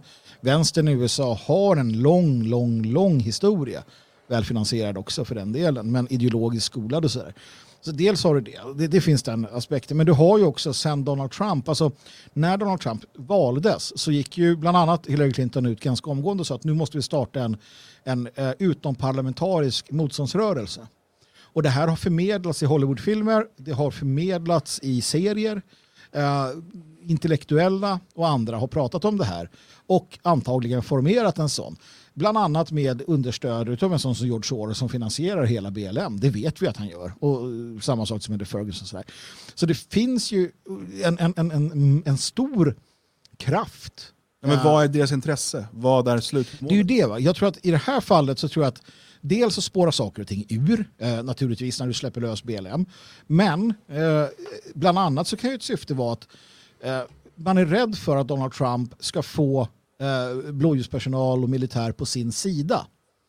Eh, man är rädd att maktförhållandet, för att han har gjort väldigt mycket insatser just för de grupperna, att då defanda dem eller att, att, så att säga markera mot poliser och militärer som rasister och, och, och fruktansvärda, att då få bort dem och bygga upp en egen för det, det som kommer i Minneapolis det blir någon progressiv, alltså eh, liksom politisk eh, säkerhetsskydds... Gud vet, alltså det är, det, det är ju som Tjekan eller NKVD. Eller, alltså jag vet inte vad det kommer sluta med.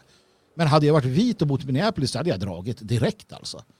Uh, för att var de än kokar ihop så kommer det vara otrevligt för vita. Så att det tror jag finns där, bland annat. Va? Men det är också det här kan bita dem i arslet.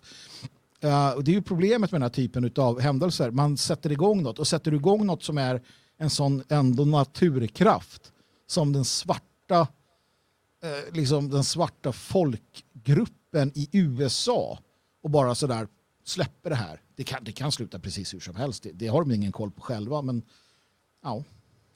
Något annat vi ser är ju också det här, eh, återigen då, att man börjar eh, riva statyer och förstöra monument. Mm. Eh, lite roligt i, i um, Storbritannien så förstör man ju monument på Churchill.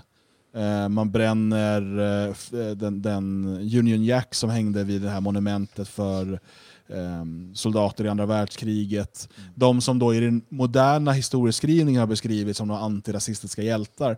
Man har ju eh, velat göra en grej av när, när eh, Trump gick ut och sa att Antifa skulle eh, Eh, klassas som terrorrörelse. Då gjorde man en bild på DJ-invasionen och Antifa 1945. Så att de brittiska styrkorna och de amerikanska styrkorna då, de var alltså då Antifa då. Men det är det, de är då rasister, alltså det, ja, revolutionen äter sina egna barn och så vidare. Mm. I Sverige har vi sett nu hur, hur eh, någon sån här, eh, ur den här Jello-klanen, va? någon afrikanska, går ut och kräver att man ska riva statyer på, eller ja, uppmanar till att man ska riva statyer på Carl von Linné. Mm. Jag såg att du skrev om det Björn idag på Twitter, och såg att roligt där.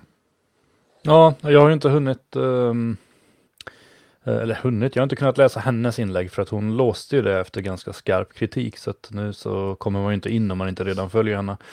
Eh, så jag har bara läst, uh, vad heter de, Samhällsnytts artikel där de har gjort några skärmdumpar. Men hennes, um, det hon säger är ju att man ska ju riva ner det här för att det är, det är eller hon säger att man ska inte göra det ifall att uh, poliser läser det hon skriver. Men att det vore trevligt ifall om alla de här statyerna revs ner och framförallt den i, vad var det? Uh, Kungsträdgården? Eller? Nej, var det Humlegården kanske? Humlegården kanske, ja. Uh, med någon staty, för där brukar hon sitta och käka och hon tycker det är så fruktansvärt när Carl von Linné sitter och stirrar på henne sjuka, alltså. Ja, jag vet inte, det är så svårt att prata om det här för att, för att det blir ju väldigt mycket så att det är lättare att inte säga någonting för då slipper man liksom dömas för ett mot folkgrupp. Mm. För, för att det, det, är så, men, men, vad var det de, det stod på den här skylten som polisen höll upp? Att uh, white silence is violence. Silence. Ja, men det måste, tyst. Där måste man ju förstå också hur de har förskjutit det hela. Hur de har lyckats förskjuta det hela.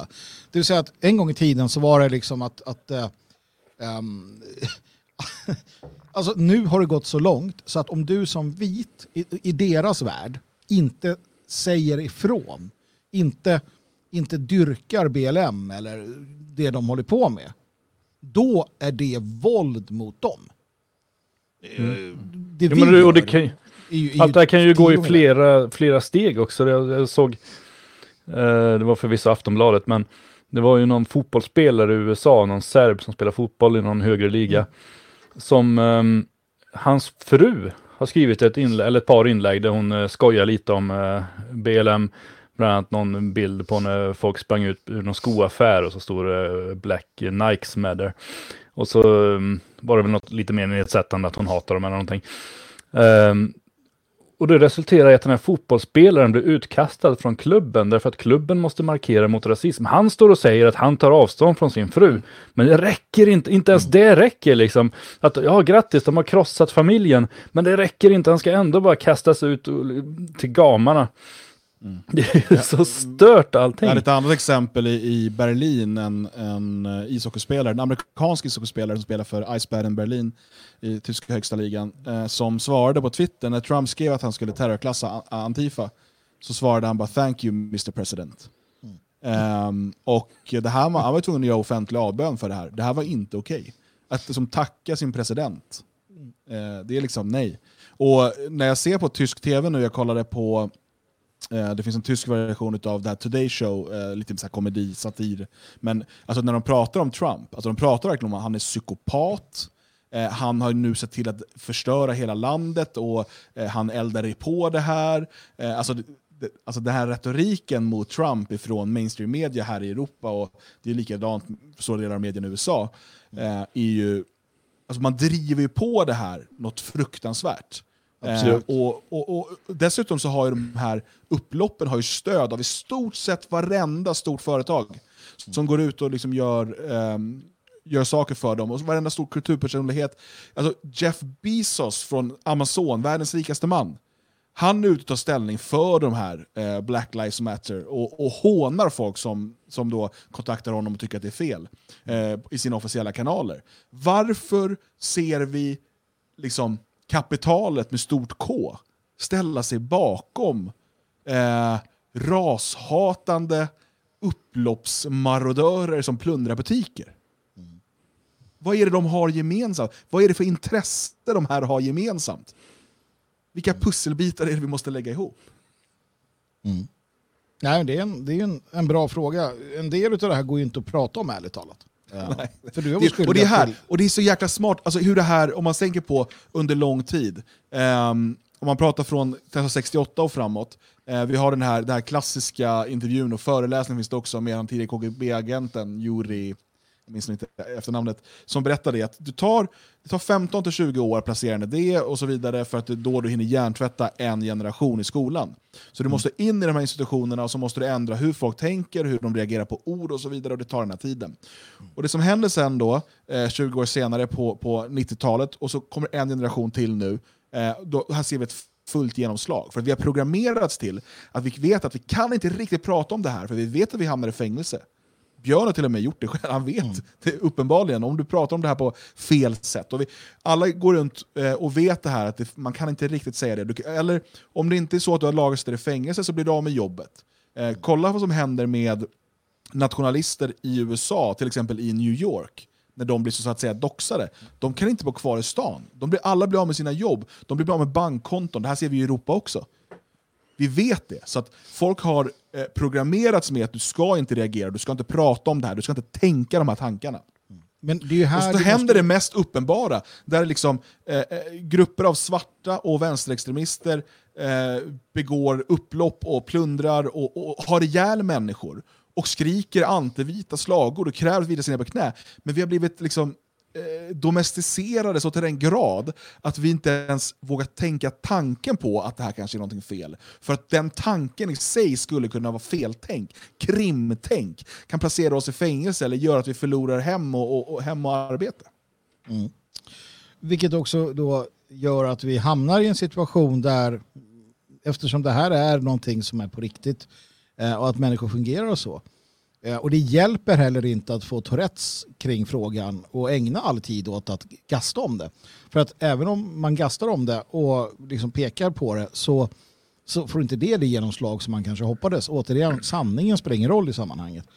Det är därför också eh, som jag ser det som, som nödvändigt just att, att förstå vad som händer och förstå att det här kommer inte hålla. Alltså om, om Stockholm, Göteborg och Malmö skulle falla i deras händer, säger vi. eller New York och, och LA, ja då tar det ett litet tag, sen kommer vi få se någonting helt annat som händer. Um, och, och det är det vi måste också fundera kring och planera för. Om du tittar i USA så är det egentligen kusterna. Det, det är några storstäder i kusterna som har det här. Om du tar flyover-staterna eller äh, i Appalacherna eller vart du vill. Alltså de reder sig själva Eh, på, på en massa olika sätt och vis. Uh, så att det vi ser tror jag är liksom ett, ett sönderfall, om vi tar USA, ett sönderfall av, uh, av den här, det här imperiet. det är inte så att bönderna eller liksom godsägarna i Montana kommer drabbas särskilt, framförallt på landsbygden. jag menar, titta på bilderna från Coeur d'Alene, Idaho uh, som är en ganska stor stad under det här. När, när man längs huvudgatan filmade och det stod 40-50 man med, med vapen. Svarta och vita för den delen. Eh, och bara konstaterade att här kommer det inte bli en upplopp. Det blev det inte. Det är inga upplopp i open carry-staterna. Alltså i städer där det är open carry, där man försvarar sig. Det är inga upplopp där. Det är, det är de liberala staterna, liberala städerna det här händer. Ingen annanstans. Och så vidare. Eh, så, att, så att fortsätter det eh, så, så, så, så, kommer det bli ännu mer splittring. Eh, jag menar, det är inte så att de kommer ge sig ut på landsbygden um, och, och börja härja, i alla fall inte i första taget. Och framförallt inte när landsbygden är välbeväpnad och välorganiserad. Um, så att det gäller att ha det i åtanke också. Men mm. i en storstad, New York eller vad du vill, Stockholm för den delen, där kan det gå fort åt helvete. Och det är värt att ha i åtanke också. Och du är utpekad som skurk om du är vit. Ja, eh, demonstrationer i Göteborg i, eh, igår eller i förrgår? Nej, igår Göteborg var det igår. Ja. Mm. Eh, och ehm, där det då um, slutar i upplopp och vandalisering och, och, och, plundrande och man, man plundrar bland annat en flyttbil Mm. En lastbil med eh, helt absurt. Och, eh, vi eh, kan sedan läsa då i tidningen att det här var då det var en lugn demonstration, sen kom det några utifrån och förstörde. Ja. ja. ja. En svart kille bland annat, som de, de på Ekot en visar en bild på en kille, en svart kille som var nedtryckt av polisen. Han tillhörde de som kom utifrån då. Ja. Och, och, det här är ju också intressant för att det är det jag ser, de poliser jag följer på internet, på Twitter, de, de har ju köpt det här rakt upp och ner. Uh, sådär, nej men vi, eh, just det här, den här kvinnliga polisen som gick ner på knä, när folk sa, men vänta nu, poliser ska inte visa politiska ställningstaganden. Och då YB Södermalm och allt vad de heter, nej men det gjorde hon inte heller. Nej, det gjorde hon inte. Så bara, jo men det gjorde hon ju. Nej, för det där var inte ett politiskt ställningstagande, det var ju mänskliga rättigheter. Ja, och det är ju samma argument som används till att de ska gå i Pride-parader och Precis. gå antirasistdemonstrationer har ju också funnits exempel på. Så att mm. det här är ju bara att ta det ytterligare ett litet steg. Nu handlar det om att ha ihjäl vita människor och plundra mm. deras butiker och hata poliser. Det är också mm. mänskliga rättigheter. Mm. Och då tänker svenska polisen köpa det. I alla fall väldigt många av de som twittrar kring det. Uh, och, och så menar de att oh, men vi kommer inte gå ner på knä och sådär, vi kommer ta hand om bråkmakarna. Men ja, bråkmakarna, det är ju inte de här som, som eh, det var inte de som var där. Som den här Peppe Polis där som så här, ja det börjar så bra i det börjar så bra i Göteborg, en Men hur kan det börja bra? Man får inte vara fler än 50 personer. Jättebra, Han säger att det är bra att vara jättestor. Men det är också polisens mentalitet är ju jävligt besynnerlig här, både alltså i alla de här tre huvudstäderna, eller huvudstäderna, alla de tre största städerna. så, som det har varit i, jag vet att det, det är bara rätt, en huvudstad. Du har rätt Björn, det är Västra Götalands huvudstad och Skånes huvudstad. Precis, alla de här tre, ja. resten.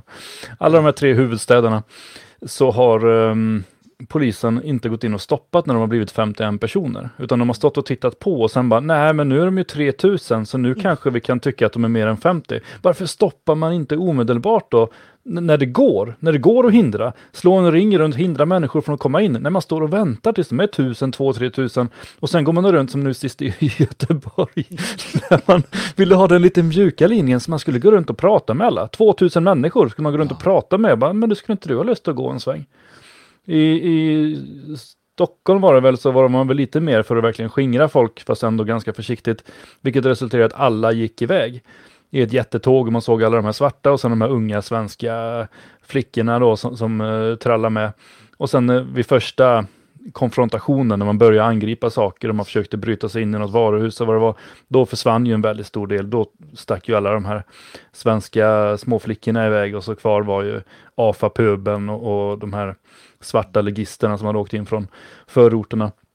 Men jag menar, Utifrån. även om det är så utifrån, som kom utifrån. De var med från början, men de kom utifrån, hade ingenting med demonstrationen att göra. Om det nu är så att det var så, de kom oinbjudna, de bara dök upp där som, som hemska varelser, så är det ju ändå trots allt, hur man än ser på det, så är det ju de här människorna, de här förbannade ligisterna, som Dagens Nyheter kallar för vandaler, vilket är ett gammalt germanskt folk.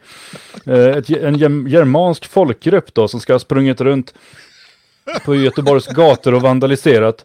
De här människorna, det, det är ju de som demonstrationen handlar om. Det är ju de man demonstrerar för. Det är ju deras rätt att göra det här. Plundra flyttlass, kasta ut barns teckningar över gatorna, slå sönder rutor. Jag såg, det var bland annat en judisk butik som hade fått sina rutor sönderslagna av samma demonstranter som sen går på, på 9 november och snyftar om kristallnatten. Alltså det, det, det, deras beteende är ju så jävligt konstigt är det. För att det, det är ju ändå, det är ingenting som urartar. Det är ingen demonstration som har urartat. Det här är ju meningen med demonstrationen, så här är alla deras demonstrationer. Varenda vänsterdemonstration som får hållas slutar i kravaller. Det har alltid varit så, det kommer alltid vara så, därför att förstörelse och det, det är det som vänstern handlar om. Och de blir ju självklart påhejade av folk som har någon slags sexuell lust av att förstöra på grund av Stopp. Nej, men det, det, är ju, men det är ju det här när man tar, jag menar, jag, jag, jag satt där och tänkte det var lite kul, bara sådär, ni har sett de här memerna, att hon, att hon typ heilar istället eller har en så här eh, NMR-flagga, den här polisen. Jag, jag bara tänker på det när, när NMR, som ändå gillar att demonstrera, eh, ställde in eh, första maj i Uppsala med hänvisning till coronapandemin. Så här, ja, men vi, vill inte, vi, vi vill inte riskera det här.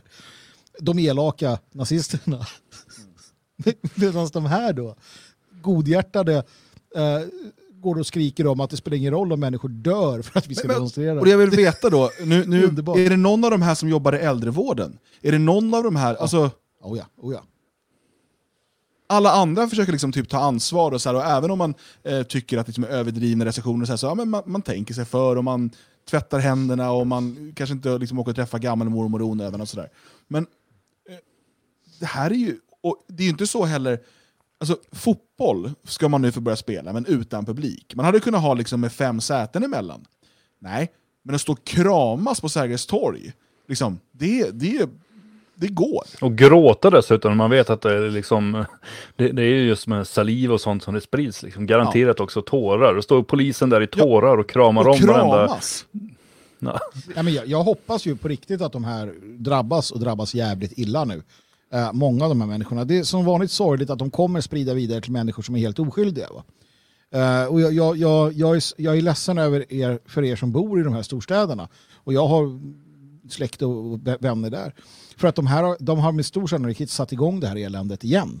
Um, jag menar, det, det, det säger sig självt att det antagligen blir så. Uh, vilket är sorgligt naturligtvis i sig. Va? Ehm, men men det, är ju, det, det, det som är, tycker jag, det som är speciella det här, den här gången, det är ju att det är så vansinnigt. Um, men att det passerar. Alltså passerar, jag, jag, någonstans har jag svårt att tro, är det svårt att, att köpa att den här galenskapen ändå passerar så obemärkt förbi som den ändå gör. Eh, man tycker att det borde ha höjts röster, alltså det här uppenbara. Men det är bara i början ändå. Det, kommer ju, det här kommer ju hålla på. Det här kommer ju bli det nya normala som man har talat så fint om. Eh, Så, så jag tror att ehm, folk kommer reagera. Eh, att man har släppt loss det just nu tror jag helt klart beror på presidentvalet i USA. Man vill, Mm. man vill sabotera för eh, presidenten, precis som eh, coronahysterin tror jag någonstans bottnar i det också. Och sen så apar alla efter runt om i världen för att alla är, tror att de är i USA. Eh, Mm. Och då passar det ju väldigt bra dessutom. Först hålla folk inlåsta, liksom, gå inte ut, gå inte ut. Och sen bara, nu får ni gå ut eh, för det här ändamålet. Och så går alla ut och eh, går emot presidenten. Så att jag, jag tror att det kommer pågå åtminstone tills valet är över. Eh, och även då naturligtvis i Sverige och andra ställen. Det som blir absurt är ju att se just hur till exempel polismakten agerar. Alltså den här poliskvinnan, det, det har inte talats någonting om, om att hon ska få sparken eller någonting. Vad fan är det? Liksom det, det? Jag har ju bestämt mig för nu att jag kommer ju aldrig någonsin prata med en polis som inte står på knä för mig. Mm. För att jag tycker att uh, jag, jag, kommer inte respektera dem som poliser om inte de står på knä för mig. För kan de göra det för en kriminell pöbel som håller på och ska just mm. storma slottet, då tycker jag att då, då, då, får de göra det när de ska prata med mig också. Så, uh, sen får det vara vad de än vill prata om. Det, det bryr jag mig inte om. Men jag, jag, kommer inte se dem som poliser om inte de står på knä. För det gör poliser, det har jag lärt mig nu. Men det, det är en viktig aspekt.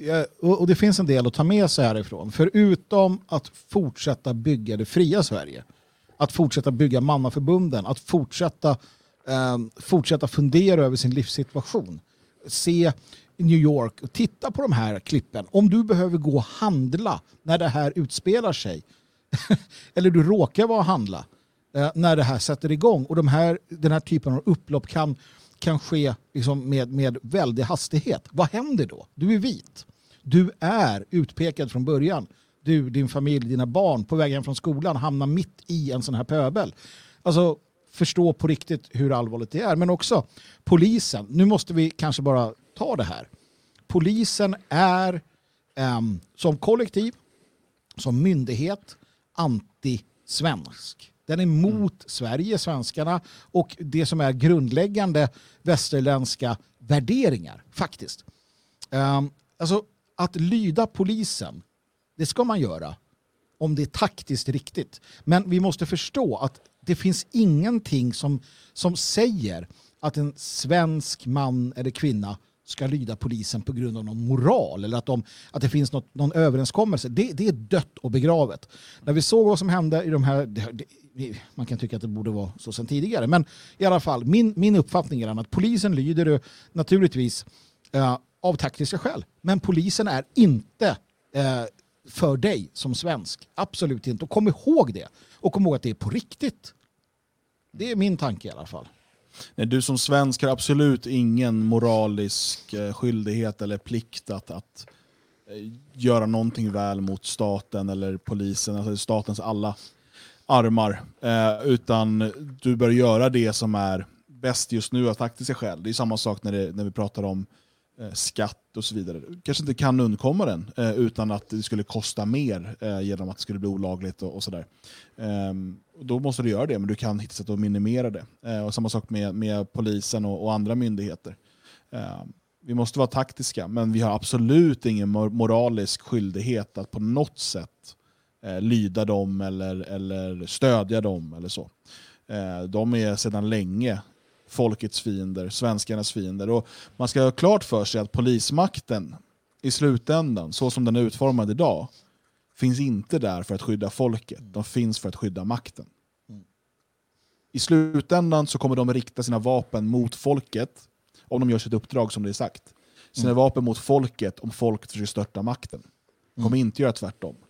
Så tillvida att vi inte lyckas tillräckligt påverka polisen såklart, men det är en helt annan historia. Gör de det de är därför satta att göra, då kommer de rikta sina vapen mot folket när folket försöker avsätta makten. Och problemet är att de bra poliser som finns, och vi, vi känner till ett antal, um, de befinner sig i en svår situation också. Det är många som, som så att säga, offrar ganska mycket för att finnas kvar i kåren av andra skäl. Och det är ju tacksamt naturligtvis. Uh, men de vittnar ju också om en situation i kåren som är alltså, fruktansvärd på många sätt och vis. Å ena sidan har du den här nya generationen som pumpas ut nu Eh, från Södertörn och andra med den här genushysterin. Sen har du också en annan aspekt. Jag, jag, jag, tycker att den här dunkelblå på Twitter eh, tillhör den. Det är den här eh, liksom demokraturens kreatur. Det här rasister kan dra åt helvete, jag kommer aldrig ställa på knä, då jävla svingar vi batonger. Eh, värdegrund, demokrati, ni vet. Den här som inte tänker, som inte har några egna åsikter. Uh, utan som, som just Dan var inne på, det är den som kommer följa det här. Säger regeringen någonting som passar inom värdegrunden, ja då kör han. Eller hon. Uh, skulle det komma en regering som till exempel har Jimmy Åkesson 99% backning, då är de beredda att, att gå emot den. För att det är ju värdegrund. Nej, jag tror Dunkelblå tror jag han han tänker ju inte alls. Han hade nog följt vad som... Ja, han, han, var i alla fall, han, han konstaterade i alla fall att rasister kan fara åt helvete. Jo, men det är ju för att det- man tycker det kunde just nu. överens. Ja, det Ja, kan, det- kan, man- vara så, kan vara så. Men i alla fall, alltså det finns lite olika, olika sådär. Men det som händer är ju också det att den här, den här eh, vad hette hon, Lisa va? Um, eh, polisen Lisa. Simonsson. det. Lisa Simonsson ja. Den typen av, hon är 22 år gammal, alltså bara det där. 22-årig brud från Södertörns högskola. Men i alla fall, eh, det kommer fler och fler sådana. Medan den här gamla generationens poliser som ja, bland annat klippte till sådana som mig och Björn och Dan för att vi var det vi höll på. Som de här lite mer, ja, den, de försvinner ut. Um, och när det har skett fullständigt, när, det by, när du har Dunkelblå och andra demokraturens kreatur plus Lisa och aktivistiska polisen, när det är polisen. Ger det 10-15 år. Vad fan alltså. Då, då är det inte kul längre. Um, för någon. Jag tror i och inte hon gick ner på knä för att hon var aktivist, utan för att hon var rädd. Det är jag ganska övertygad om när man ser helhetsförloppet. Först hur hon sitter ensam i en polisbil tillsammans med en annan poliskvinna. Eh, omringad av en stor pöbel på flera hundra personer. De kallar på hjälp, det kommer en polisbil snabbt inkörande. Eh, kollega i fara. De rusar ut, pöbeln skingras, då springer hon ut också och börjar veva med batongen. Eh, varpå pöbeln snart upptäcker att det är ju bara en liten 22-åring från Södertörns högskola, så de börjar ju rusa emot henne igen. Varpå hon sätter sig ner på knä och höjer högerarmen. Och sen får hon en skylt som hon inte ens vet vad det står på. Hon tittar ju ner på den efter en stund så här. Och, ja, så försöker hon sitta och se lite lurig ut som att hon, eh, ja, hon försöker komma på vad det står helt enkelt.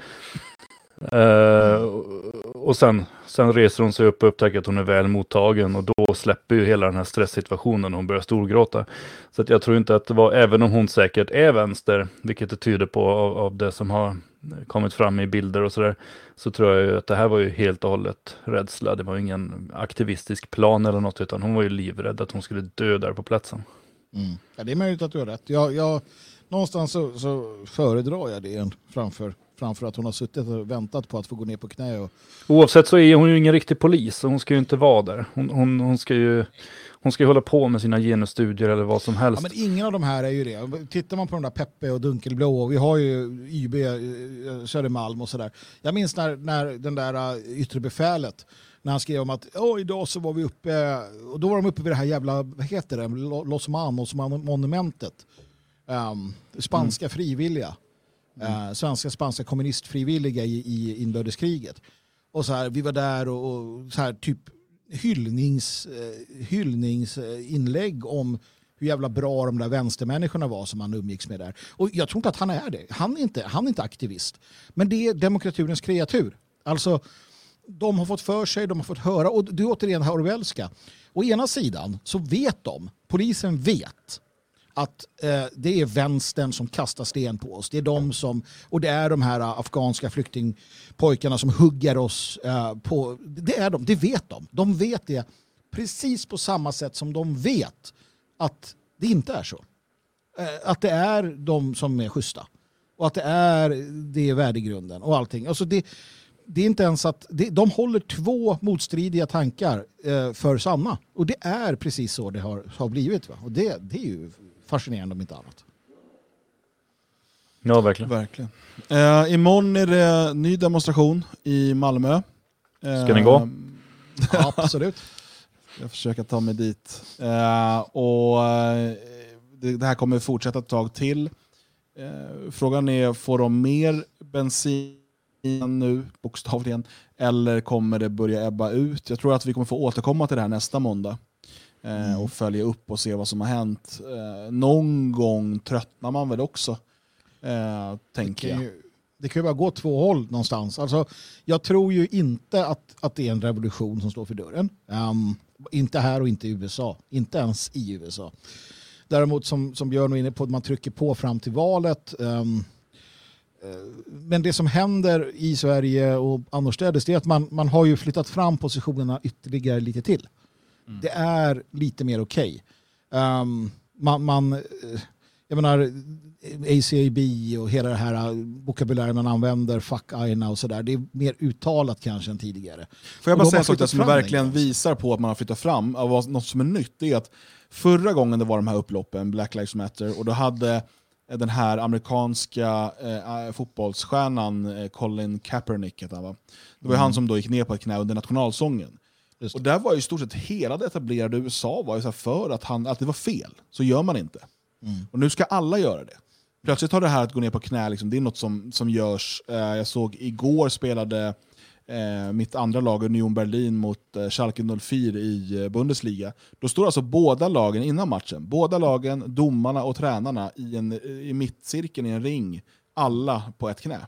Ja. Eh, det är liksom, Ett knä var då va? Ja, annars är det imponerande faktiskt. Hur, hur, Eh. jag måste fråga, hur reagerar polit, eh, po- po- polis, eh, publiken? Nej, man får ta publik för det är farligt att samlas i grupp. Nej. Däremot så var det 10 000 någonting på Alexanderplats samtidigt och kramades och skrek. Ja. Men man får inte Ja, men jag hörde något uttalande om det där, för, för det var väl i Tyskland. Det började väl med att en spelare hade gjort någonting och det började diskuteras att får man verkligen lov att göra politiska ställningstaganden? Och då kom man ju fram till att jajamän, det får man om man eh, tycker rätt. Och sen intervjuade de ju Sveriges, någon ordförande för fotbollsförbundet eller någonting och frågade vad som gäller här och då var det ju, ja, samma sak. Eh, Man rent av uppmuntrar till det. Så vi kommer nog få se, eh, allsvenskan startar nu i helgen igen på söndag. Mm. Vi kommer nog få se en del i, i svensk fotboll då också. Och, men men det- alltså det, det här är att man liksom har flyttat fram sina positioner, att man no- normaliserat. Och det är lite så här det funkar.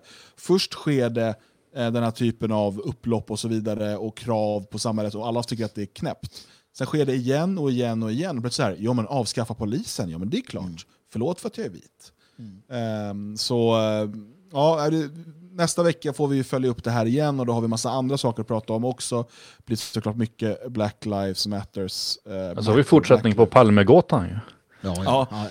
det blir spännande. Det kan ju vara så att vi behöver göra en specialsändning om det nu kommer fram att det var den här killen i Motala eller Moheda eller vad det nu var. Mm, mm. Eh, där känner jag att då måste vi prata med varandra om den här Mm. oerhörda förmågan vi hade att kunna se det på.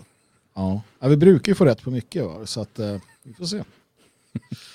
Och nu har vi inte ens pratat om gårdagens partiledardebatt för att eh, den var skittråkig. Jimmy Åkesson vill ha mer integration, eh, alla vill ha corona, eller inte ha corona eller någonting eh, meningslöst.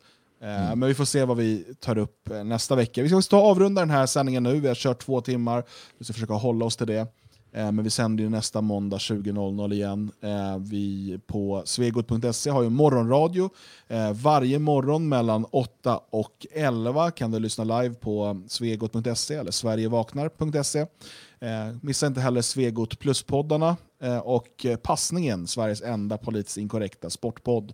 Eh, Där på eh, torsdag eller onsdag när nästa avsnitt kommer eh, så eh, kommer man prata bland annat om eh, ja, vad man säger, Black Lives Matter-delen i sporten.